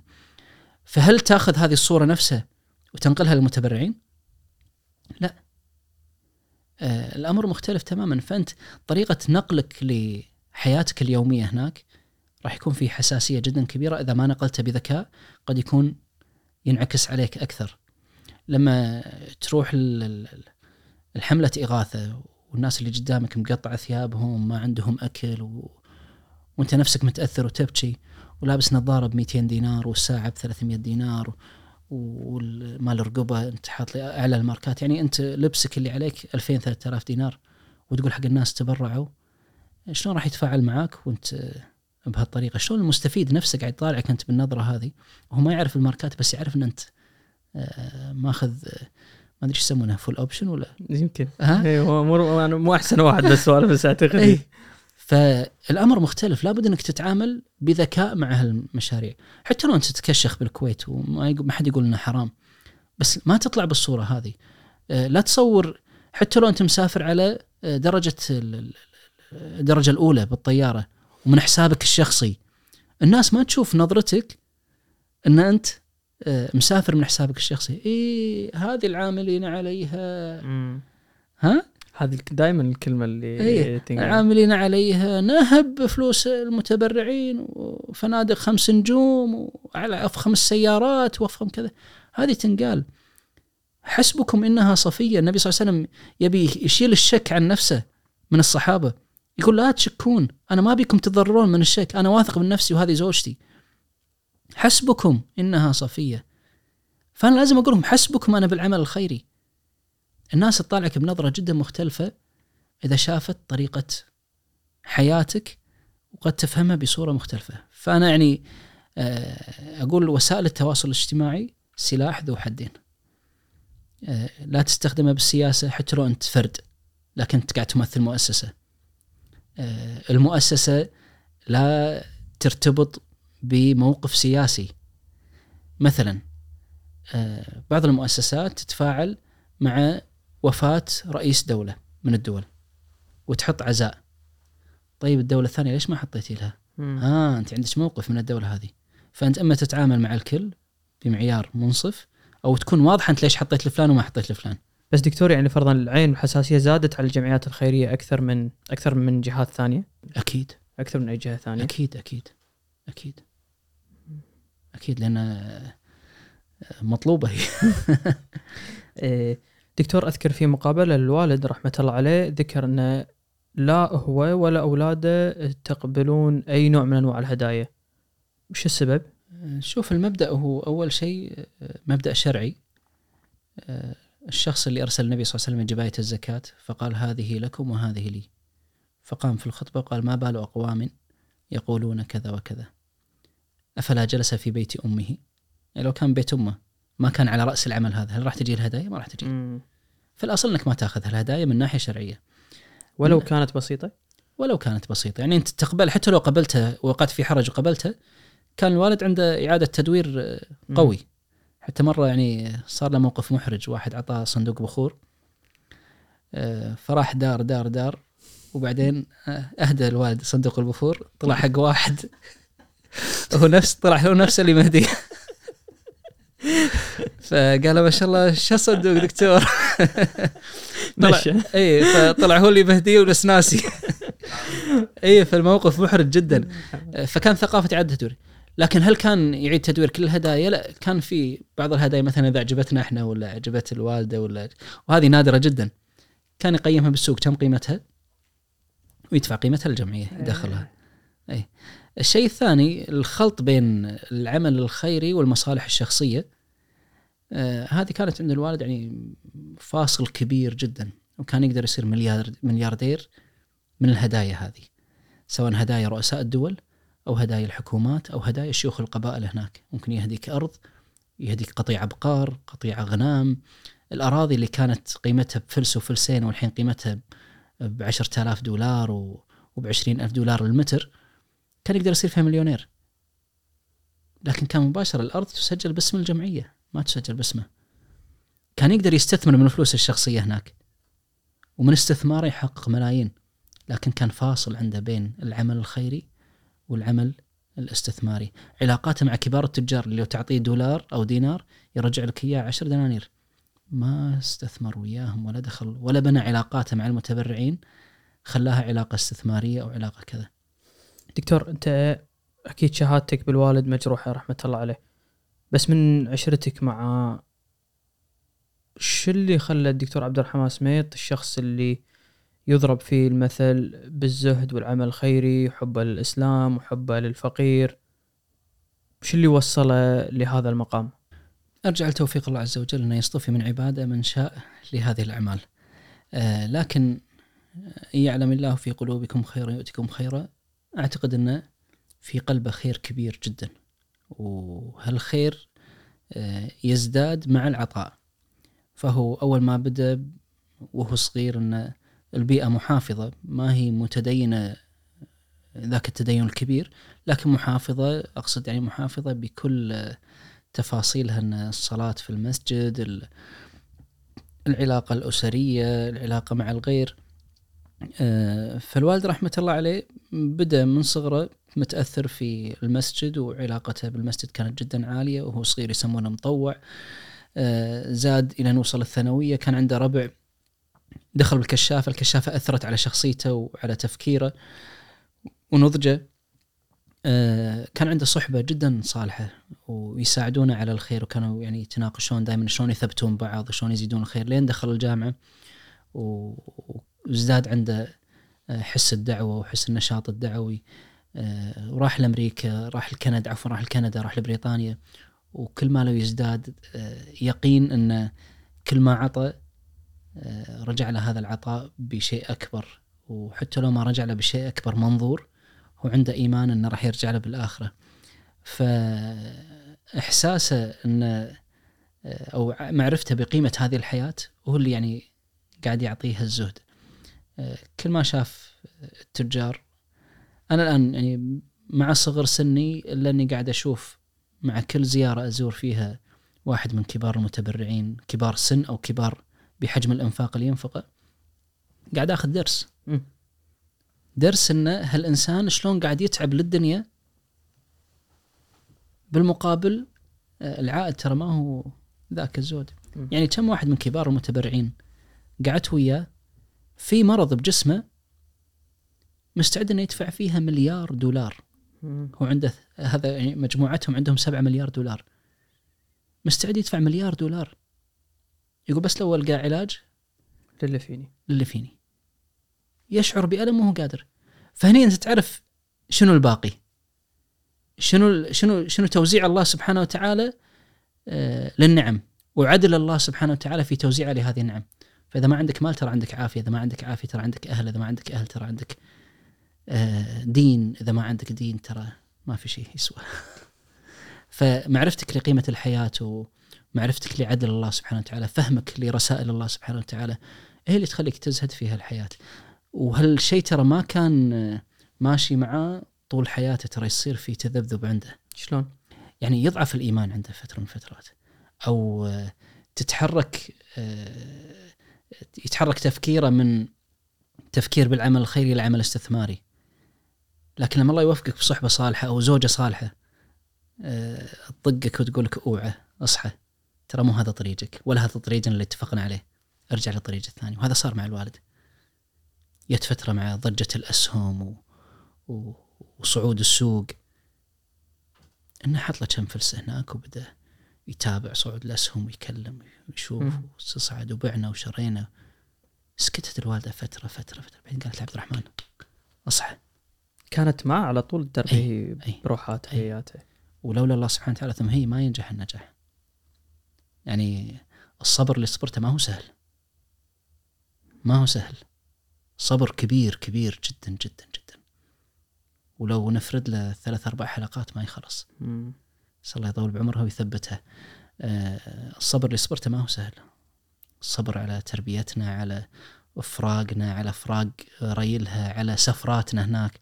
ترى السفرات ما هي يعني هي قد تكون سعيدة لنا كأطفال ما نحس بال بالتعب لكن المشقة اللي عليها ما هي سهلة. الداري ريلها ولا الداري عيالها ولا الداري الطبخ ولا الداري ما في أكل هناك ينوكل ولا مطاعم ولا مولات ولا بحيث انها تونس عيالها ولا توكلهم أكل نظيف. كل شيء تسويه تطبخ تقعد بالليل قبل صلاة الفجر بساعتين تسوي الريوق والغداء آه، عشان نمشي طريق 16 17 ساعة. فهذا شيء ما هو سهل. بالإضافة القيام بحق زوجها قيام بحق عيالها قيام بحق ربها. فإن الإنسان آه، يكون معاه سند مثل هالسند آه، يكون معين له كبير. مع ذلك أقول لك يعني آه، هو كان زاهد وكان فاهم حقيقة الحياة. مع ذلك كان تغير عليه بعض الأمور فترات ويرجع. الله سبحانه وتعالى يوفقه من يذكره ويرجع لي أو يصير له موقف يذكره. مم. إيه، أنت تمر بنفس اللي كان يمر فيه هو؟ أكثر بعد. زين وش اللي يردك؟ آه، طبيعة الإنسان إنه يتأثر باللي حوله. يعني الشهوات الشبهات اللي موجودة حب المال حب العيال يعني ترى السفرة إني أروح أسافر أفريقيا وأترك عيالي ما هي سهلة علي. حيل حيل متعلق فيهم و... وقد ما يبين على مشاعري الخارجية لكن أنا داخل قاعد أتقطع. مم. وأنتظر متى الوقت اللي أرجع فيه حتى إني أقعد وياهم. أه ترك والدتك إنك تروح هناك وتخليها نفس الشيء ما هو سهل. أه أحيانا لما تشوف ربعك أه شروا السيارات الكبيرة والفخمة وبنوا ورواتبهم يمكن ضعف راتبك مرتين ثلاث مرات أربع مرات. أه يجيك الشيطان أحيانا يخليك تفكر بس ترجع الحقيقة انه لا أنت اللي فيه ما ينشرى بفلوس. ما ينشرى بفلوس كلش. يعني آم، لو صار عندك راتبهم وعشرة أضعاف راتبهم ما راح تقدر تحقق نفس الأثر اللي آه، تحققه وأنت موجود في هالمكان. أنا لو أدفع فلوس على هالمكان وأقترض و- وأتدين عشان أصير بهالمكان آه، كان مستحق لهالشيء تصدق دكتور أنا سمعت حشوه مرة قالها شخص آه، أعتقد إنه غربي فيمكن الترجمة ما تكون دقيقة بس كان يقول بأن العمل الخيري آه، أنا اسويه وهو فعل أناني لأن أنا لما اسويه جزء كبير من هذا العمل يعود على نفسي. أنا اللي قاعد أسعد نفسي أكثر من ما آه، أبي السعاده لغيري. هذه مصيبة. هذه مصيبة. لأن إذا ما حصل السعادة راح يتوقف عن الإنفاق. إذا ما حصل السعادة راح يتوقف عن التطوع. راح إذا ما حصل السعادة راح يتوقف عن العطاء. فإني أربط فعلا أناني هو. وقد يكون بحسن نية هو قاعد يحط هالشيء. أنا أسوي عشان يرجع لي. لا إحنا عندنا الأصل إنك تسوي مو عشان يرجع لك الآن. قد يرجع لك الآن وقد ما يرجع لك. هو ما هو كان يتكلم مو إنه ممكن شيء يرجع لي كثر ما إنه الشعور اللي هو الشعور إنه يرجع له. هي يرجع له. هو يقصد إنه ترجع له السعادة. مم. مقابل عطاء. طيب إذا ما جت لك السعادة إذا أنفقت أنفقت ما جتلك وتصير ترى. هو مو شرط ولا آه، عهد بينك وبين الله سبحانه وتعالى إنك تنفق الآن تجيك السعاده باكر. قد تجيك بعيالك إيجابية قد تجيك برزق إيجابي قد تجيك بالآخرة. فالتعامل مع الله سبحانه وتعالى لازم نفهمه عدل. والتعامل في هالدنيا لازم نفهمه عدل. إنه مو كل شيء بمقابل. المقابل ما يكون بالدنيا قد يكون بالآخرة. لذلك أنا والله أشفق على اللي يروح للتطوع بهدف أنه يحصل السعادة أو شغف التطوع حتى أنه يحصل السعادة. مم. لا السعادة مو شرط أنها تكون هي السعادة قد تكون في الآخرة. وهذا اللي يخلينا إحنا نتجاوز بعد الله سبحانه وتعالى كثير من العقبات اللي يمر عليها والتحديات. أن عبد الله ترى القيمة مو هني والثناء مو هني. يعني لو أنت قاعد تشتغل في هالشغل وتطقيك من كل صوب اتهام بالذمة المالية اتهام بالشرف اتهام اتهام اتهام إيش اللي يخليك تصبر؟ مو موضوع تحدي معاهم إن أنا قبلت التحدي معاهم وراح أغلبهم وأكسر. لا أدري ان ما عند الله سبحانه وتعالى. خير. فهذا يخلينا نصبر. فأشفق جدا على اللي يفكر تفكيرنا مقابل سعادة ومقابل كذا. بس دكتور اليوم العالم متصل ببعضه أكثر من أي وقت مضى. التكنولوجيا زادت آه، العمل الخيري صار له سنين شغال بأفريقيا ومن عديد من الجمعيات الخيرية. فليل في ناس لليوم ما سمعوا بالإسلام. موجود. مع كل عمل مو بس أنا نتكلم عن مباشر جمعية صحيح. كل الجمعيات الخيرية. صحيح. كل القنوات الإعلامية كل ال social media كل كذا في ناس للحين ما وصلهم هالشيء دكتور شلون توصلون حق هالقرى؟ مجرد بس تاخذ سيارتك وتشوف قرية على دربك توقف عندها ولا شلون يصير تخطيطكم للموضوع؟ لا هي مو أم- أي لا لا مو جولة عشوائية وأي مكان أوقف فيه و- وأدعو لله سبحانه وتعالى. إحنا عندنا نستهدف مناطق معينة آه، وفق جدولة زمنية نمشي فيها على هذه المناطق ومتى نوصل لهم. وقبل ما أروح إذا أنا رايح هناك إذا مو موظفين أو العاملين في العون المباشر موجودين هناك آه، إذا رحت أنا هناك لازم قبلها بثلاث أيام يروحون يبلغون القرية. أن ترى يجيكم وفد من دول الخليج وترى عندهم كذا راح يتكلمون معاكم عن كذا. ف... فكأنه استئذان منهم أول. استئذان منهم وإحنا نعرف بروتوكولاتهم ويعلموننا شلون ترى راح يكون كذا وتدخل شلون يعني عندك مثال على إي البروتوكول؟ يعني طريقة طريقه دخولك للقصر القصر لما أقول القصر هو عبارة عن كوخ أكبر من الأكواخ الثانية. مم. في ملك القرية أو ملك القبيلة. فلما تدخل شلون طريقة السلام؟ هل تبدأ بالملك ولا تبدأ باليمين؟ شلون تقعد؟ شلون تسولف؟ شلون تستأذن بالخروج. شلون طبيعة الكلام اللي تقوله. ففي بروتوكولات لكل قبيلة من القبائل أو قرية من القرى إنك شلون تتعامل وياهم. فلا بد إنك تخطط قبلها. آه، قد يكون آه، ترسل قبلك مشاريع تسوى آه، وبعدين تروح أو أنت تروح أول بعدين تلحقها مشاريع. كل هذه يعني مدروسة ومحسوبة وفق بيئة كل قرية من القرى. بس هم دكتور أنا سمعت بالمقابلة الوالد يتكلم عن الأقزام بأفريقيا. هذول إيش قصتهم؟ الأقزام هي قبيلة من القبائل موجودة في أفريقيا الوسطى آه، وموجودة في دول ثانية لكن أكثر شيء في أفريقيا الوسطى. آه، أحجامهم يعني صغيرة جدا و- ويعيشون منعزلين عن المجتمع. آه، فاستهدفهم الوالد رحمة الله عليه دعويا وسوينا معهم مشاريع. ومن ضمن المشاريع اللي سويناها سوينا مركز آه، للأيتام عندهم. بس عفوا دكتور هو موضوع جيني يعني إنه ما اي اي مم. اي جيني وسوينا مركز الأيتام عندهم. وكثير منهم دخلوا بالإسلام الحمد لله. والمشروع اللي سويناه عندهم آه، كان من أحد المشاريع اللي ما نجحنا فيها. بسبب؟ بسبب إنه صار في حرب دينية موجودة هناك. وكانت آه، طبيعة ال- ال- الجهة المعادية أو العقيدة المعادية آه، شرسة جدا. فدخلت المركز وهدمت كل المركز آه، ما خلت فيه إلا 27 طوبة بس. أوف. أي. آه، في أشياء يعني من من التجارب اللي أخذناها من المراكز كذلك أو من المشاريع اللي تعلمنا منها أن لا تسوي مشروع بناء على احتياج المتبرع ولا على فكرتك واحتياجك. تأكد أن المستفيد يرغب بهذا المشروع أو قابل إنه آه، تسوي هالمشروع عنده. فأنت ما تعطي أولوياتك تشوف شنو أولوياته لازم تنفذها. هذه يسمونها في العمل ال- ال- المؤسسي آه، على موضوع خدمة العملاء وقبول ال end user أو مم. الشخص ال- المستفيد النهائي. يعني مو غصب تبني له مسجد فرضا ولا بير قد يكون مو هذا اولويات لا تبني له مسجد بمواصفاتك يمكن مواصفاته هو أحسن. لا تبني له بيت وهو ما يبي البيت هو يبي مستوصف. يعني لازم تعرف شنو أولوياته لما تبني له بيت بتصميمك أنت العربي يبني له عشه يم البيت ويسكن بالعشه ويخلي البيت مستودع حق البهايم تصير ولا. اي الله يكرمكم إيه؟ تصير وايد أنت ما شفت شنو أولوياته أنت جاي مستانس إنك تبي تسوي شيء زين. لكنه ترى بأولوياتك ما هو أولوياته قصة القرية السكرانة اي عزيز آه، دكتور دائما يسأل لي يقول يسأل الدكتور عن موضوع القرية السكرانة شنو قصتها هذه؟ هذا مثل ما ذكرت إن إحنا قبل ثلاث أيام. ندز للقريه ترى جايكم وفد راح يزورونكم. آه، فكنا في مدغشقر على ما نوصل القرية هذه تقريبا ثلاث ساعات بالسيارة. آه، وصلنا قريب من القرية ما نقدر نوصل لها بالسيارة ننزل مشي ونعبر نهر وبعدين نصعد لهم.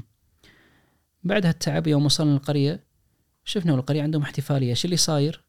قالوا هذا واحد من أهل القرية جاب الولد العاشر. وإذا الولد العاشر لازم يذبحونه بقرة. ويوزعون الخمر ويحتفلون بالولد العاشر. فإحنا جيناهم وهم بقمة سكرهم. فتناقشنا ندعوهم. الحين كنا ناويين على أساس دعوة الإسلام وكذا ندعوهم شلون نتعامل مع السكارة. فقلنا لهم ممكن نقعد وياكم؟ قالوا حياكم تفضلوا. إيه، مستانسين. وقعدونا بكوخ صغير يمكن أربعة بستة قاعدين فيه 40 واحد أو 35 واحد ومتزاحمين يعني ركبة بركبة. إحنا صايرين بالواجهة وهم صايرين أمامنا يعني. وأنا بالطرف هني أشوى يمي فتحة باب ويمي واحد سكران. فبديت أعرفهم نفسي أنا أخوكم عبد الله سميط طبيب بيطري أنا فلان الفلاني أستاذ في كذا أنا فلان الفلاني محامي أو قانوني أو قاضي وأنا فلان. وبدينا نكلمهم عن الإسلام.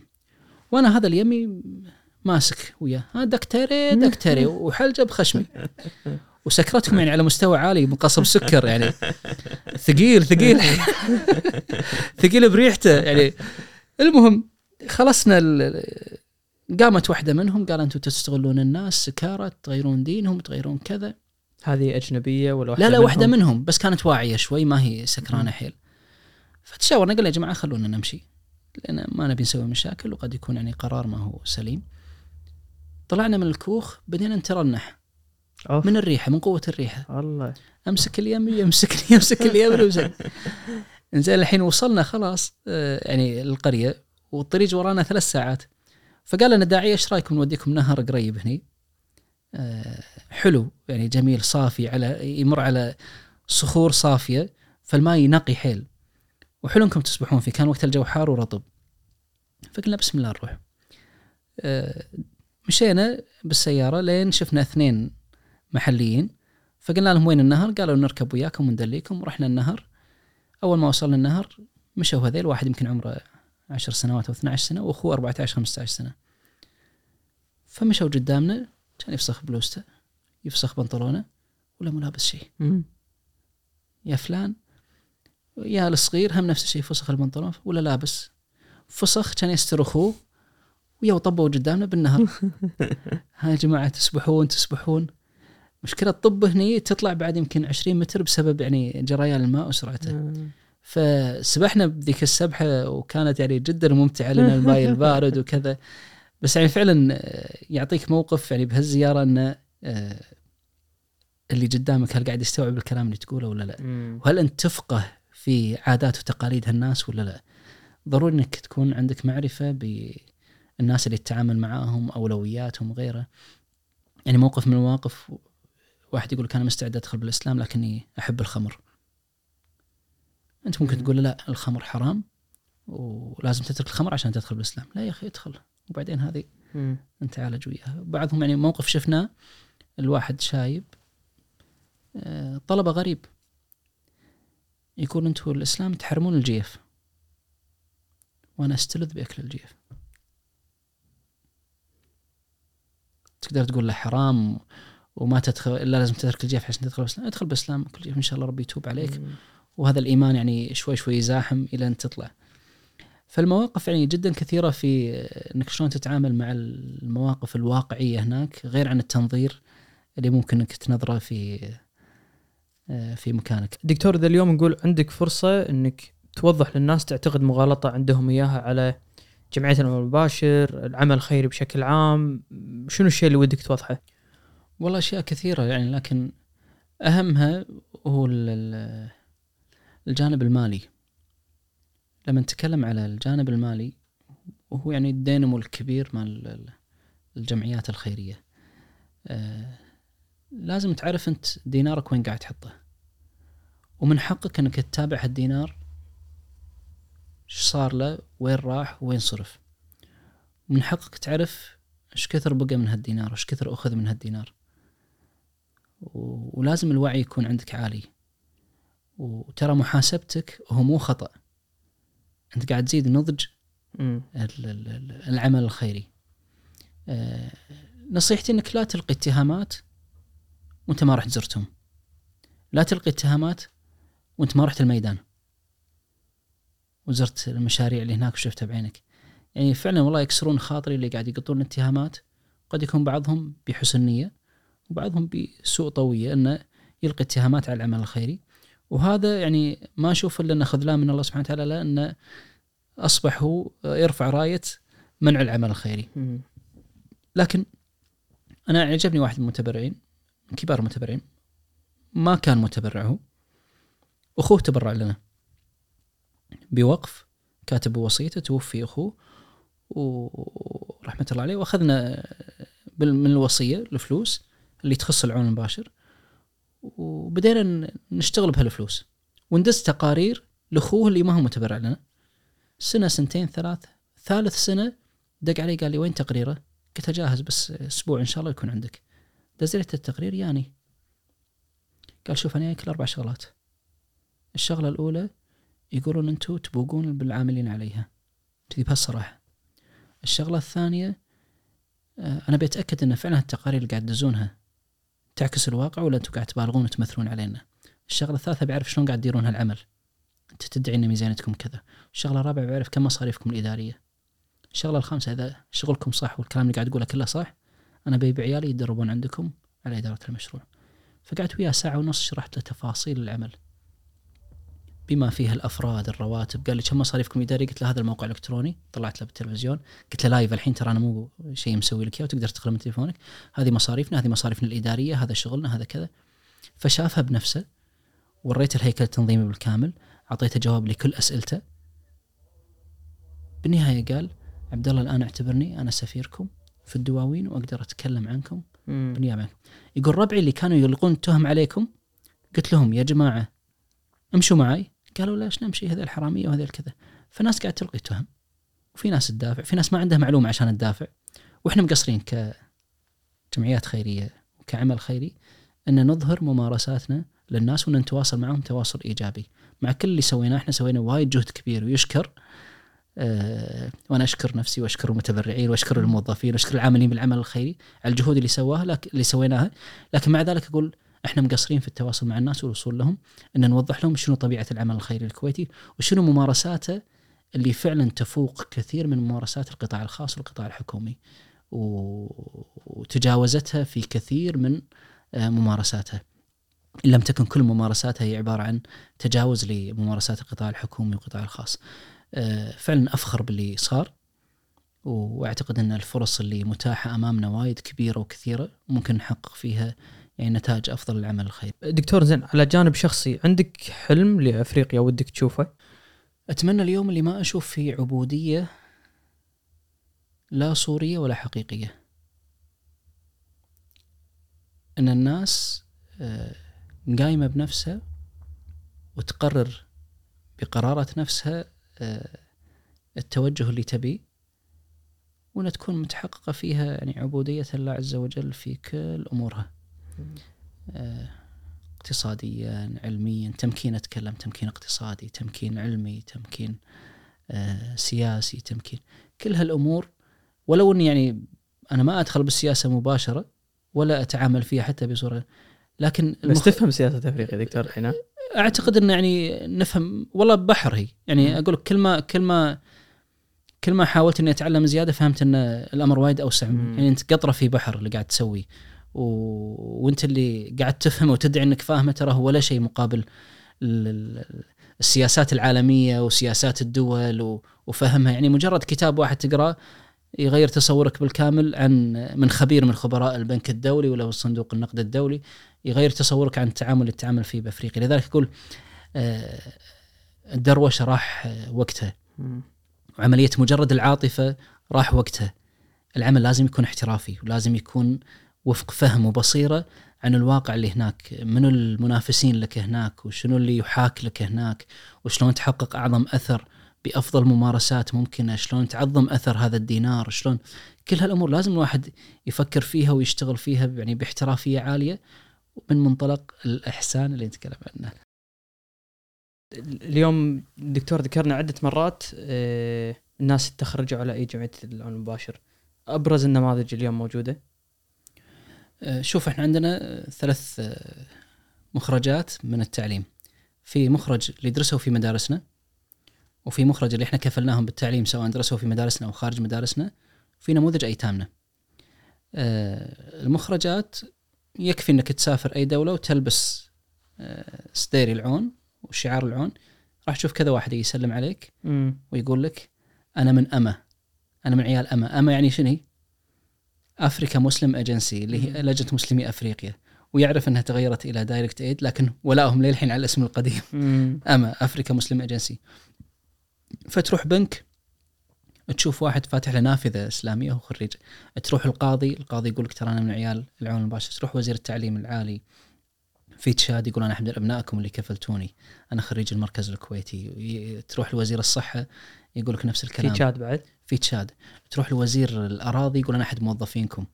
هذه الصورة الرابعة. إحنا قلنا الكفالة التعليمية أو درسوا بمدارسك أو كفالة ايتام أو أنه موظف عندك وتقلد مناصب آه، في الدولة إلى أن أصبح آه، سياسي كبير. الصومال تقريبا آه، نص الموجود حاليا لقود الدولة. هم من اللي درسوا مدارس العون أو كانوا موظفي العون أو العاملين مع العون أو تأثروا. رئيس الوزراء الصومالي اكفلت العون المباشر في الدراسة خارج الصومال. ما شاء الله والآن هو رئيس وزراء الصومال ويفخر بهذا الشيء. ما شاء الله آه، زرناه قبل تقريبا أربع شهور كان عندنا زيارة للصومال لمتابعة الجامعات فصار لقاء وياه و- وفرحان يعني يفتخر إنه من أحد أبناء العون المباشر اللي كفلتهم العون في دراستهم إلى أن تخرجوا. وكثير الأمثلة، أنا ما أتكلم فقط على مناصب سياسية، أتكلم على أطباء، أتكلم على مؤثرين، أتكلم على ناس أسسوا جمعيات خيرية محلية وبدأوا. يشتغلون وأنجزوا. آه وين ما تروح في مطار في آه دائرة حكومية بالشارع ضابط يقول لك أنا استفادوا أسرتي ولا أنا استفدت من مشاريعكم فالاثر الحمد لله وايد منتشر ونحرص إن شاء الله إنه يتعظم هذا الأثر ويكثر عدد المستفيدين آه، إنه خذوا الخدمة بصورة جيدة وغيرنا حالهم من حال إلى حال أفضل. أنا دكتور معلش بس بسالك السؤال مثل ما انطرح عليك تو بالديوانية. إيش قالوا؟ قالوا على صار لكم إن شاء الله جمعية العون صار لها 40 سنة تقريبا وأنتم تشتغلون وغيركم يشتغلوا بموضوع الآبار يعني اسمح لي على السياق بس هو كذي انطرح ما انترست أفريقيا آبار لليوم يعني اي أنت تخاف إنها تطيح بسبب يعني كثرة الحفر اللي موجودة هناك. أنا والله ما ألوم اللي يقول هالشيء هذا لأنه ما عنده تصور الكامل عن وضع آه، أفريقيا.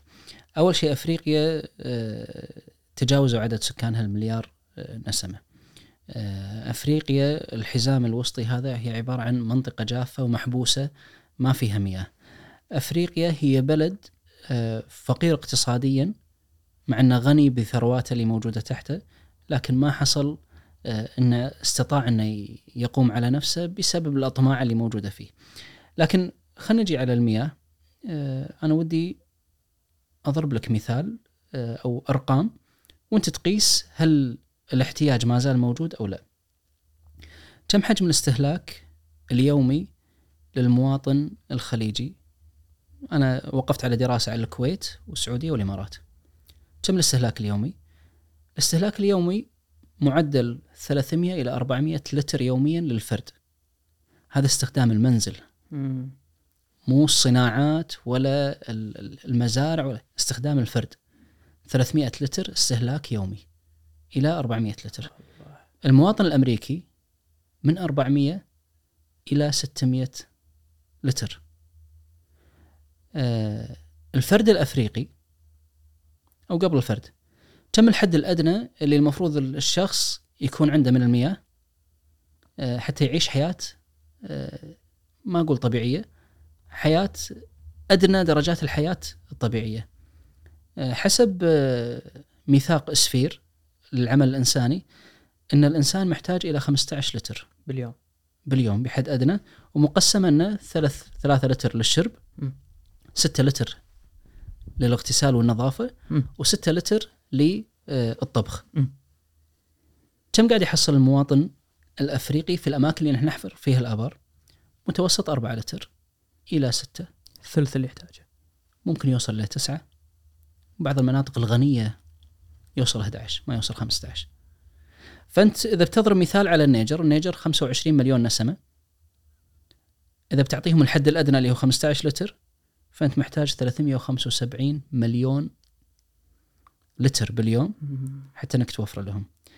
الآبار اللي تحفر معظمها أو يعني كثير منها آبار سطحية فتحفر بالدلو فيعطي الشخص كمية بسيطة وملوثة.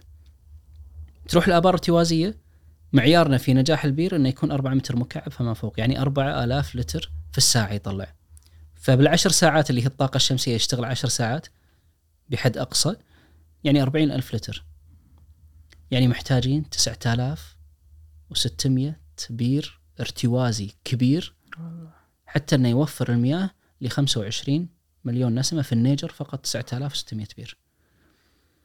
طيب لو بوفر له 30 لتر عشان يعيش حياة كريمة ويقدر يتنظف عدل ويتسبح و... ويغسل بيته ويغسل كذا احتاج 18000 بير.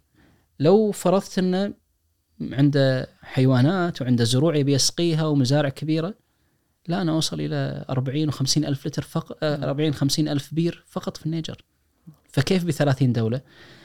أنا أعتقد إن أول شيء نوعية الآبار مؤثرة يعني لا أخذها بعدد الآبار وإنما بنوع الآبار. كثير من الآبار هذه نضب كآبار سطحية والآبار اللي تحفر بطريقة خاطئة ما تحفر باحترافية ممكن تردم بعد فترة ولا يشتغل البير. كمية المياه اللي تطلع من البير. أنا أحفر بير بهالمنطقة ونفس آه، جمعية أخرى تحفر في نفس المنطقة. هذول قاعد يطلعون بعد سنة. تشوف العداد هذا مطلع له 30 مليون لتر وهذا مطلع له 5 مليون لتر. الفرق السعر صح؟ 5000 دولار و- الفرق ست أضعاف. وهني يبين لك ليش فرق السعر. آه هني يكون البير ب 30 ألف دينار وهذا البير ب 8000 ولا 10000 دينار. إيه الفرق. يفرق الجودة يفرق العمق يفرق المواد المستخدمة يفرق فلسفة حفر البير. وفي ترى علم وبحور يعني مهما يعني سولفت لك عنه أنا جاهل في هالجانب لأن في مواصفات محددة. طيب آه، آبار سلبية قاعد نحفرها؟ يعني الإحسان اللي نتكلم عنه أن لما أحفر بير ويطلع لي أن البير ملوحته عالية. وأنا صرفت في هالبير تقريبا بس في بطن الأرض 5000 إلى 7000 دينار. مم. عشان أوصل للطبقة وأحط ال pipeات وأحمي البير بمواد أحطها حتى إنه ما ين- ينردم البير. وبعدين لما أطلع الماي يطلع الماي ملوحته عالية. أضطر إني أسكر البير. آه. لما يكون البير في مواد كبريتية عالية أو معادن لما يكون البير إنتاجه 2 متر مكعب أو 1 متر مكعب ونص أنا أعتبره بير فاشل وأسكره. لأنه خسارة على الناس وخساره علي اني اركب له برج واركب له خزان وطاقة شمسية واركب له مضخة. راح يكون آه، شيء سلبي لهم. فاضطر اني أسكر البير وأحفر لي بير ثاني في منطقة مع إني مستخدم أجهزة جيولوجية وعندي ثلاث أجهزة وثلاث مهندسين جيولوجيين. مع ذلك هي تعطيك نسبة نجاح ما بين 65 75% آه بس. أي. فطبيعي إنه يصير عندك فشل بالآبار خصوصا إذا كان معيارك شوي عالي. فلذلك أنا اللي أقول ان آه، ما وصلنا حتى 10% من الاحتياج مم. وراح نستمر في حفر الآبار ونحاول نجود آه، نوعية الآبار اللي نحفرها وإحنا ماشيين في هالطريق ونزيد عدد الآبار بحيث انه من خلال هالآبار إحنا نقضي على الفقر بوجود مياه تسقي زروعهم بهايهم. نقضي على الجهل إن الطفل بدل ما ينشغل بجلب المياه يروح المدرسة والبير ما يوصلهم لقريتهم. ونقضي على المرض لما نوفر له ماء نظيف لأن الماء اللي قاعد يشربه من البير السطحي قاعد يسبب له ضرر يسبب الكوليرا التيفوئيد الملاريا الديدان الشريطية كلها تسبب لهم من هالمياه. فإذا وفرت ماء نظيف أنا قضيت بإذن الله سبحانه وتعالى وخففت المرض في هالقرى. وفي دراسات كثيرة تثبت إن 80% من الأمراض الموجودة في هذه المناطق آه، سببها المياه الملوثة. فإحنا راح نستمر بحفر الآبار وراح نجود حفر الآبار وإن شاء الله يكون يعني عمل مستدام لهؤلاء الناس. إحنا ما نشعر في هذا الشيء لأن عندنا مضخات تحلية. مم. ويوصلنا الماء لبيتنا. فنقول مجرد حفر بير راح يعالج قرية. لا هم مو مجرد حفر بير. بير كم يطلع من الماء وهل الماء نظيف ولا ما هو نظيف؟ دكتور الحين من جانب المتبرع شنو أفضل طريقة أنا كمتبرع آه، أستفيد من الدينار اللي أنا أصرفه؟ آه، في طريقة أفضل من الأخرى بنوع التبرع اللي أنا قاعد أتبرع فيه؟ شنو الطريقة اللي تشوفها أنسب؟ أول شيء هو عبارة عن تعامل مع الله سبحانه وتعالى والأثر اللي تحسبه ما ما في حساب مع الله سبحانه وتعالى. لكن لما تشوف أنت كفكرة تاجر التاجر يقول العائد على الاستثمار. فأنت تحط العمارة كم تعطيك 5 6% راح تحق حق 7% ما راح تروح حق ب 5% إلا يعني بظروف معينة. فأنت الحين مع دينارك اللي تنفقه شوف وين تحصل أكبر عائد ممكن. ممكن تفكر وتقول أنا أحط دينار بكل مشروع عشان يصير عندي مشاركة بكل المشاريع. وممكن تقول احطه ببير يعني أنا مثلا عندي 500 دينار أقدر أسوي لي 10 ابار ب 50 دينار. وأقدر أسوي لي بير سطحي آه، أفضل من ابو 50 دينار ب 500 دينار. لكن عمره ترى خمس سنوات. وأحطه بهذا ولا أحطه ببير ارتوازي؟ مساهمة البير الارتوازي مثلا قيمته 10000 20000 دينار لكن ينفع 2000 مستفيد. وهذه كانت تنفع 200 مستفيد هذا البير السطحي عمره خمس سنوات هذا البير الارتوازي عمره مثلا 20 سنة مم. فكذكاء بالعائد أنا لا احطه أبو 20 مم. آه، ممكن يعطيني 2000 مستفيد وعمره افتراضي سنة وكذا آه، أحطه ببير ارتوازي ولا أحطه بوقف الآبار وقف الآبار آه، آخذ الفلوس وأستثمرها وسنويا أحطها مساهمة في عدة آبار ارتوازيه من مساهمات الآبار. بعد 20 سنة أنا أكون ساهمت بأكثر من 20 بير بدل ما يكون سهمي في بير واحد. تشهد لي 20 أرض أن أنا ساعدت فيها بدل ما تشهد لي أرض واحدة. بدال 2000 مستفيد ممكن يكون 40 ألف مستفيد. لو نضب بير بيرين ثلاثة أربعة عندك عشرين بير أنت اللي حفرتهم. فالتفكير بهالطريقة وايد راح يكون يعني مفيد للمتبرع نفسه. وللجمعية والأصل أن الواحد يكون ناصح لنفسه وناصح لغيره في هالشيء. آه، ممكن حتى بالأوقاف نفسها. هل أحطها بوقف الآبار اللي تعود لي ب 200 مستفيد ولا 2000 مستفيد؟ ولا أحطها بوقف الاستدامة اللي ذكرناه اللي يغطي مصاريفكم الإدارية. يغطي مصاريف الإدارية للجمعية فأنت تشارك في كل أنشطة الجمعية. ما في يتيم يكفل ما في قطرة ماء تشرب ما في شخص يدخل بالإسلام ما في آه، قرآن يتلى ما في أي حركة تصير في هالجمعية.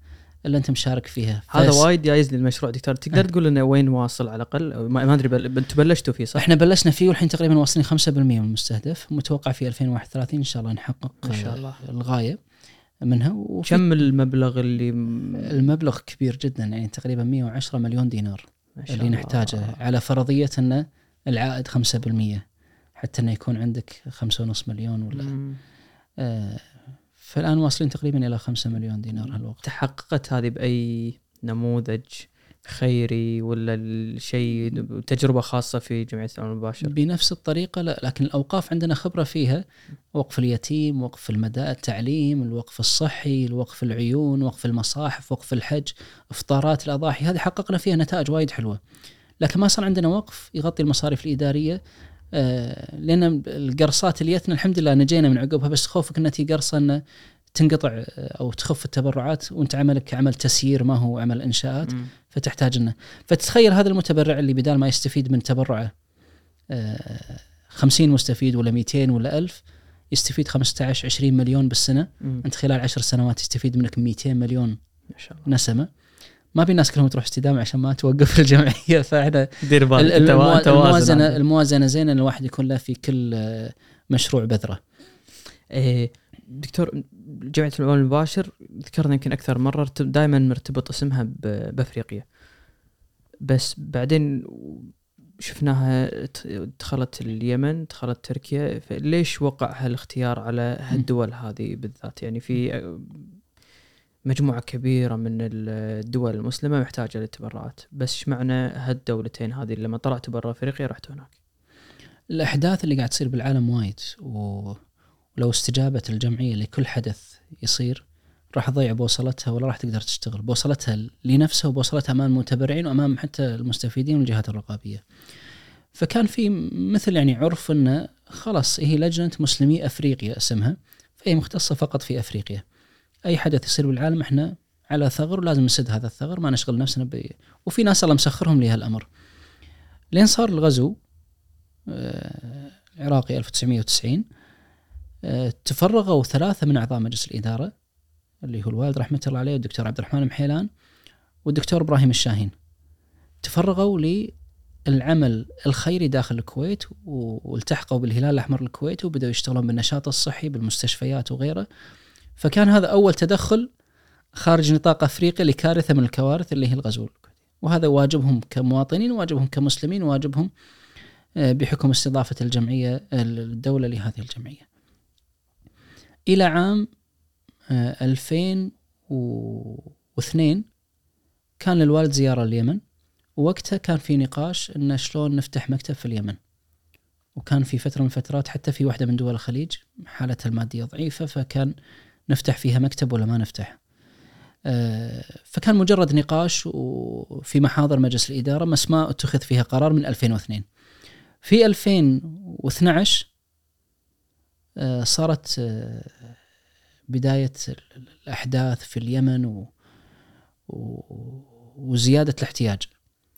فراح أرسلنا موفد من الكويت إلى اليمن وسوى دراسة كاملة وشاف الاحتياج وشاف فعلا أنه في احتياج كبير هناك الناس قاعد تموت وكذا. وكان باب من أبواب اللي نعزي في أنفسنا أن في جالية أفريقية كبيرة مهاجرة من الصومال من أثيوبيا من جيبوتي اليمن ويعيشون هناك. فإحنا هذا امتداد آه، للخليج والكويت وامتداد لأفريقيا. فرابط بيننا وبين أفريقيا أن ندخل في اليمن. آه، بالفعل آه، أخذ القرار للدخول في اليمن. وكان تركيزنا في بدايته أنه فقط نغطي المياه ما لنا شغل بشيء ثاني. مم. آبار خزانات مضخات وغيره. صارت الأحداث السورية وصار في نداء من آه، سمو الأمير في حين الشيخ صباح أن كل الجمعيات الخيرية لابد تدخل. فدخلنا على حياء فقط آه، فتحنا باب التبرع ولا أعلنا. دخل بالجمعية مبلغ لا بأس فيه. حولناه للجمعية الكويتية للإغاثة وهي نفذت هذا المشروع بحكم أن إحنا أعضاء في مجلس إدارة الجمعية الكويتية للإغاثة. بعدين بدأت تجي الأحداث تتوالى لكن العون تركيزنا إحنا على أفريقيا وما ندخل فيها. من باب إنه ما تبون تشتتون. ما نبي نتشتت. لا, لا نبي نشتت المتبرع تجاهنا لأن إحنا خلاص ارتبط إن العون أفريقيا أفريقيا العون. فلما تدخل العون في كل الحوادث والكوارث آه، راح يصير ولا إحنا نفهم في يعني لما إحنا نقول فاهمين في أفريقيا ما ندعي إن إحنا فاهمين بالكويت ولا فاهمين بسوريا ولا فاهمين لأن الثقافة مختلفة طريقة العمل الخيري مختلف آه، أولويات مختلفة. فصارت 2012 جمعنا التبرعات وسلمناها لجمعيه الكويت للاغاثه ونفذتها في حينها إلى أن جت أحداث آه، تفجير آه، بيروت. آه، فصارت كارثة كبيرة ومفاجأة للجميع وأخذ القرار بأن ندخل في آه، هذه الكارثة. واعلنا إعلان بسيط. وتم جمع التبرع وسلمناه لجمعيه الكويت للاغاثه ونفذت. وسلمنا أحد الشركاء من المنظمات الدولية كذلك نفذت. آه، بعدها صارت أحداث ما تدخلنا فيها إلى أن صارت أحداث سوريا آه، وتركيا الزلزال. هني وقفنا وقفة جادة ان لابد إن إحنا يكون عندنا آه، طريقة واضحة في التعامل مع الكوارث اللي قاعد تحدث في العالم. أما إن نسكر الباب ونقول إحنا ما نشتغل اما إن نحدد معايير تدخلنا الخارجي.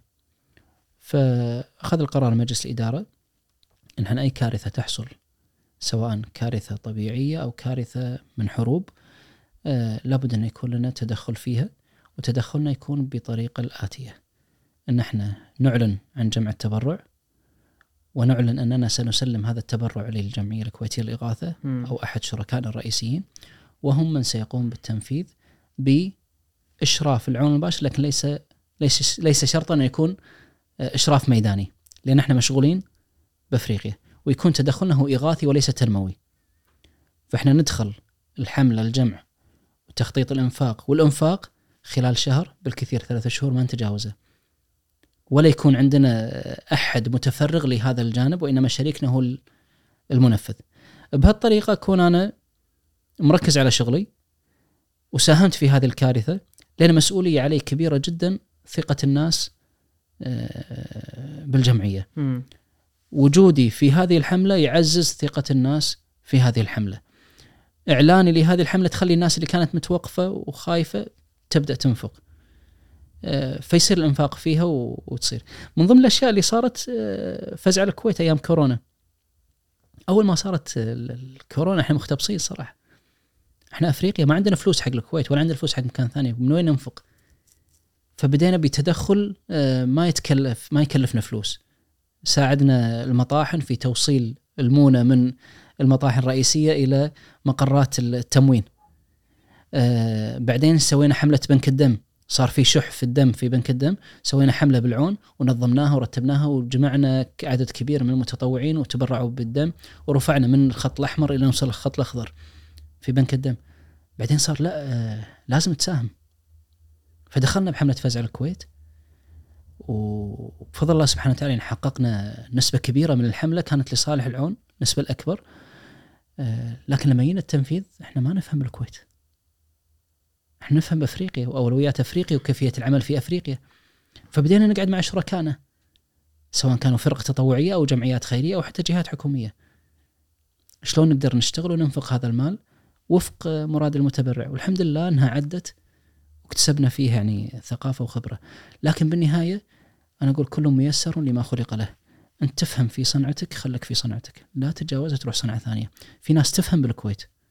خلكم بالكويت واشتغلوا بالكويت ولا تطلعون برا. أنت فاهم في شرق آسيا خليك في شرق آسيا. أنت فاهم في سوريا و... وشمال آه، دول الشمال هذه آه، دول الشام سوريا والأردن ولبنان اشتغل هناك. أنت فاهم في فلسطين اشتغل في لا تشتت نفسك وتدعي أنك تفهم في كل الدول. لأن كل دولة لها أولوياتها لها ثقافتها لها كذا. وأنا أعتقد هذه الميزة اللي صارت عند العون. يعني من الأشياء المضحكة اللي تصير إن جمعية خيرية تسوي حملة لجمع التبرعات لصالح احدى الدول الأفريقية لحفر الآبار التبرعات تجينا إحنا. مم. ويتفاعلون الناس ويانا. الناس ربطوا الاسم خلاص. خلاص. الحملة ال- ال- ال- اللي تخص من يطلع لي بشره السمراء خلاص العون المباشر فالتبرعات تجينا فنحس إنه أحيانا ما ندري عن الحملة اللي مسويتها الجمعية بس نحس في زيادة بالتبرعات لما. نشيك نعرف إن في حملة صايرة بالجمعية الفلانية. فالارتباط هذا ارتباط إيجابي وتخصصي وأصبحت أنا مرجعية آه لأفريقيا على مستوى الحكومة، على مستوى الجمعيات الخيرية اللي تبي تشتغل في أفريقيا، على مستوى حتى الجهات المحلية اللي تشتغل هناك، على مستوى المنظمات الدولية، أنا شريك أساسي ويعرفون إن العون المباشر افريقيا وإذا ذكروا أفريقيا لابد العون المباشر تكون حاضرة في هالجانب.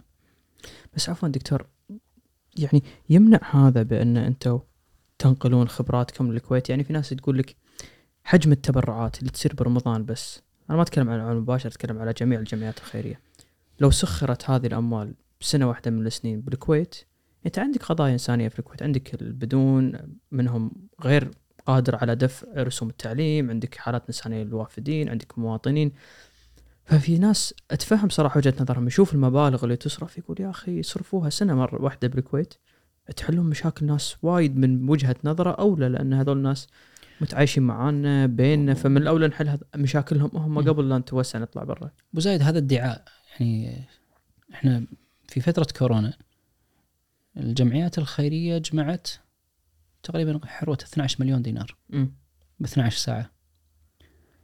ال 12 مليون صرف شيء منها بالقطاع الصحي صرف شيء بالقطاع ال- ال- الأسر المتعففة صرف الاحتياج اللي موجود فعليا بالكويت. ما تقدر تغطي جمعيات. كل ميزانية الجمعيات الخيرية لو أنفقت ميزانيتها على الاحتياج الحالي السنة الجاية راح يرجعون محتاجين. فالقضية ما هو حل سحري بيد الجمعيات الخيرية وإنما هو حل على مستوى كبير ممكن أن آه، يعني ترى الفقر ما في دولة بالعالم ما فيها فقير. حتى الدول اللي هي أغنى من الكويت بمئات المرات فيها فقراء. م. آه، فالحل ما هو بس بالأنفاق أنه أنفق. الحل أنك تغير ثقافة الفقير نفسه والمحتاج. الحل أنك تمكن هذا الفقير. ما يكون مثل ما ذكرنا قبل شوي أنك توصل الجيل الثاني والثالث وأنت قاعد تنفق عليهم.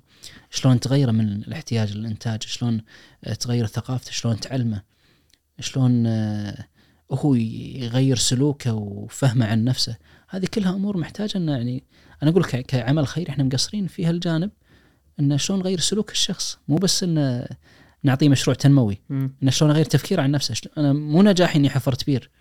ما دام حفرت بير وهو للحين يظن إنه فقير لا هالبير ترى هو اللي راح يمكنك. البير تقدر تزرع فيه أعلمه شلون يستفيد من هذا البير أكبر قدر ممكن. فنرجع إلى الادعاء إن ال مليون دينار ممكن إنها تحل المشكلة بالكويت؟ لا ما تحلها. أنا أعرف إحصائيات عن المديونين واللي عليهم ضبط وإحضار شيء ما تغطيه حتى يمكن ميزانية الدول. اللي عليه احتياج وما هو قادر يدرس عياله موجودين وكثر. فما راح يتغطى ان احمل المسؤولية للجمعيات الخيرية فقط. أنا احمل المسؤوليه للجمعيات واحمل المسؤوليه للحكومه واحمل المسؤوليه للفقير نفسه. كل هؤلاء مسؤولين عن هالشيء. فلا تحمل الفقير شلون يتحمل مسؤولية؟ يتحمل مسؤولية لما سلوكه. سلوكه. وأنا أعرف يعني حالات كثيرة كان راتبه 200 دينار يقول أنا فقير، زاد راتبه 300 دينار فقير، زاد راتبه 400 دينار فقير. فالقضية مو زيادة الدخل بقدر ما هي سياسة التعامل مع هالحياة، سياسة الإنفاق، سياسة إدارة المال، سياسة إدارة المشروع. آه، فأعتقد يعني الكل يتحمل المسؤولية ما غلط ان أحملها فقط الجمعيات الخيرية وأقول لهم تعالوا اشتغلوا كلكم بالداخل وأنتم راح تحلون المشكلة، إحنا ما نحل المشكلة ما عندنا العصا السحرية. م. إذا ما كان في دور للحكومه، إذا ما كان في دور للفقير نفسه إنه عنده رغبة إنه يغير بنفسه. إيه زكريا منو دكتور؟ هذا نوع من أنواع التفكير اللي موجود يصدمك بانه تفكير مغاير عن الشيء اللي تفكره عن الإنسان الأفريقي آه أنه فقير ومحتاج وطمعان بفلوس وطمعان بكذا. هذا زكريا آه رحنا نزور واحد من آبارنا وذكروا لنا الأخوة في المكتب أن هذا الشخص هو اللي أعطانا الأرض اللي نحفر فيها البير من ممتلكاته الخاصة. من منطقة غالية لأنها قريبة من العاصمة لكن الأحياء اللي حولها فقيرة لكن الأرض هذه غالية.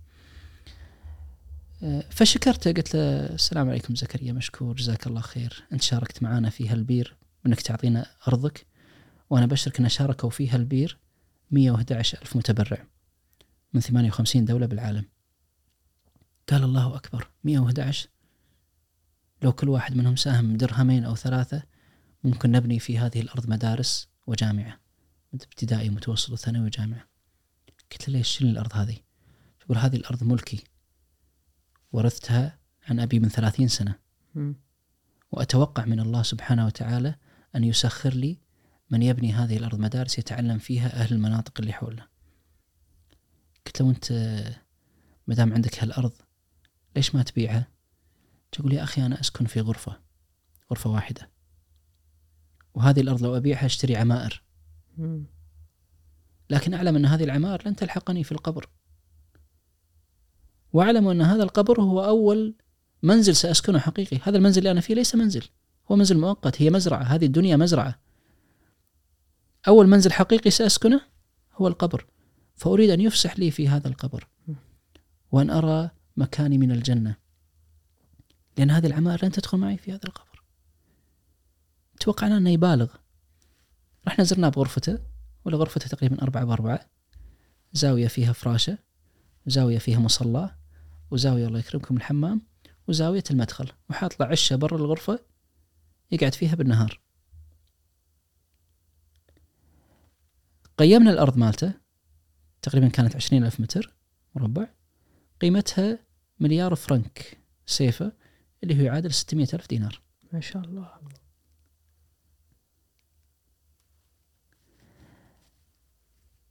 صدمنا زكريا أول شيء في مفهومه للحياة يقول الناس يقولون عني مجنون وأنا لست مجنون. أنا أعقل منهم أنا أفهم. هم لا يفهمون. هم يريدون العاجلة وأنا أريد الآخرة. كلام كان يعني بالعظم يعطينا. كنا الله سايقنا لهالمكان في دولة مالي في أقصى غرب أفريقيا ونروح على العاصمة مسافة حتى نقابل هالشخص اللي يعطينا الرسائل. اللي هي أنا الآن أنقلها لكم. أن شلون هالإنسان تحت الدنيا وتحت 600 ألف دينار وعايش بهالغرفة إحنا ندعي إن إحنا زهاد في هالدنيا لكن لا هذا زكريا فاقنا بعشرات المرات وفهم الحياة عدل. ويقول أتوقع من الله أن يسخر وأن هذه المباني تنبني وإن شاء الله تكون تعلم الناس الخير. أو دكتور أكيد ما في كلمة سرية بس من مع من معاشرتك لهالناس من من الوالد من زكريا من المتبرعين اللي أنت تشوفهم الزاهدين بالدنيا.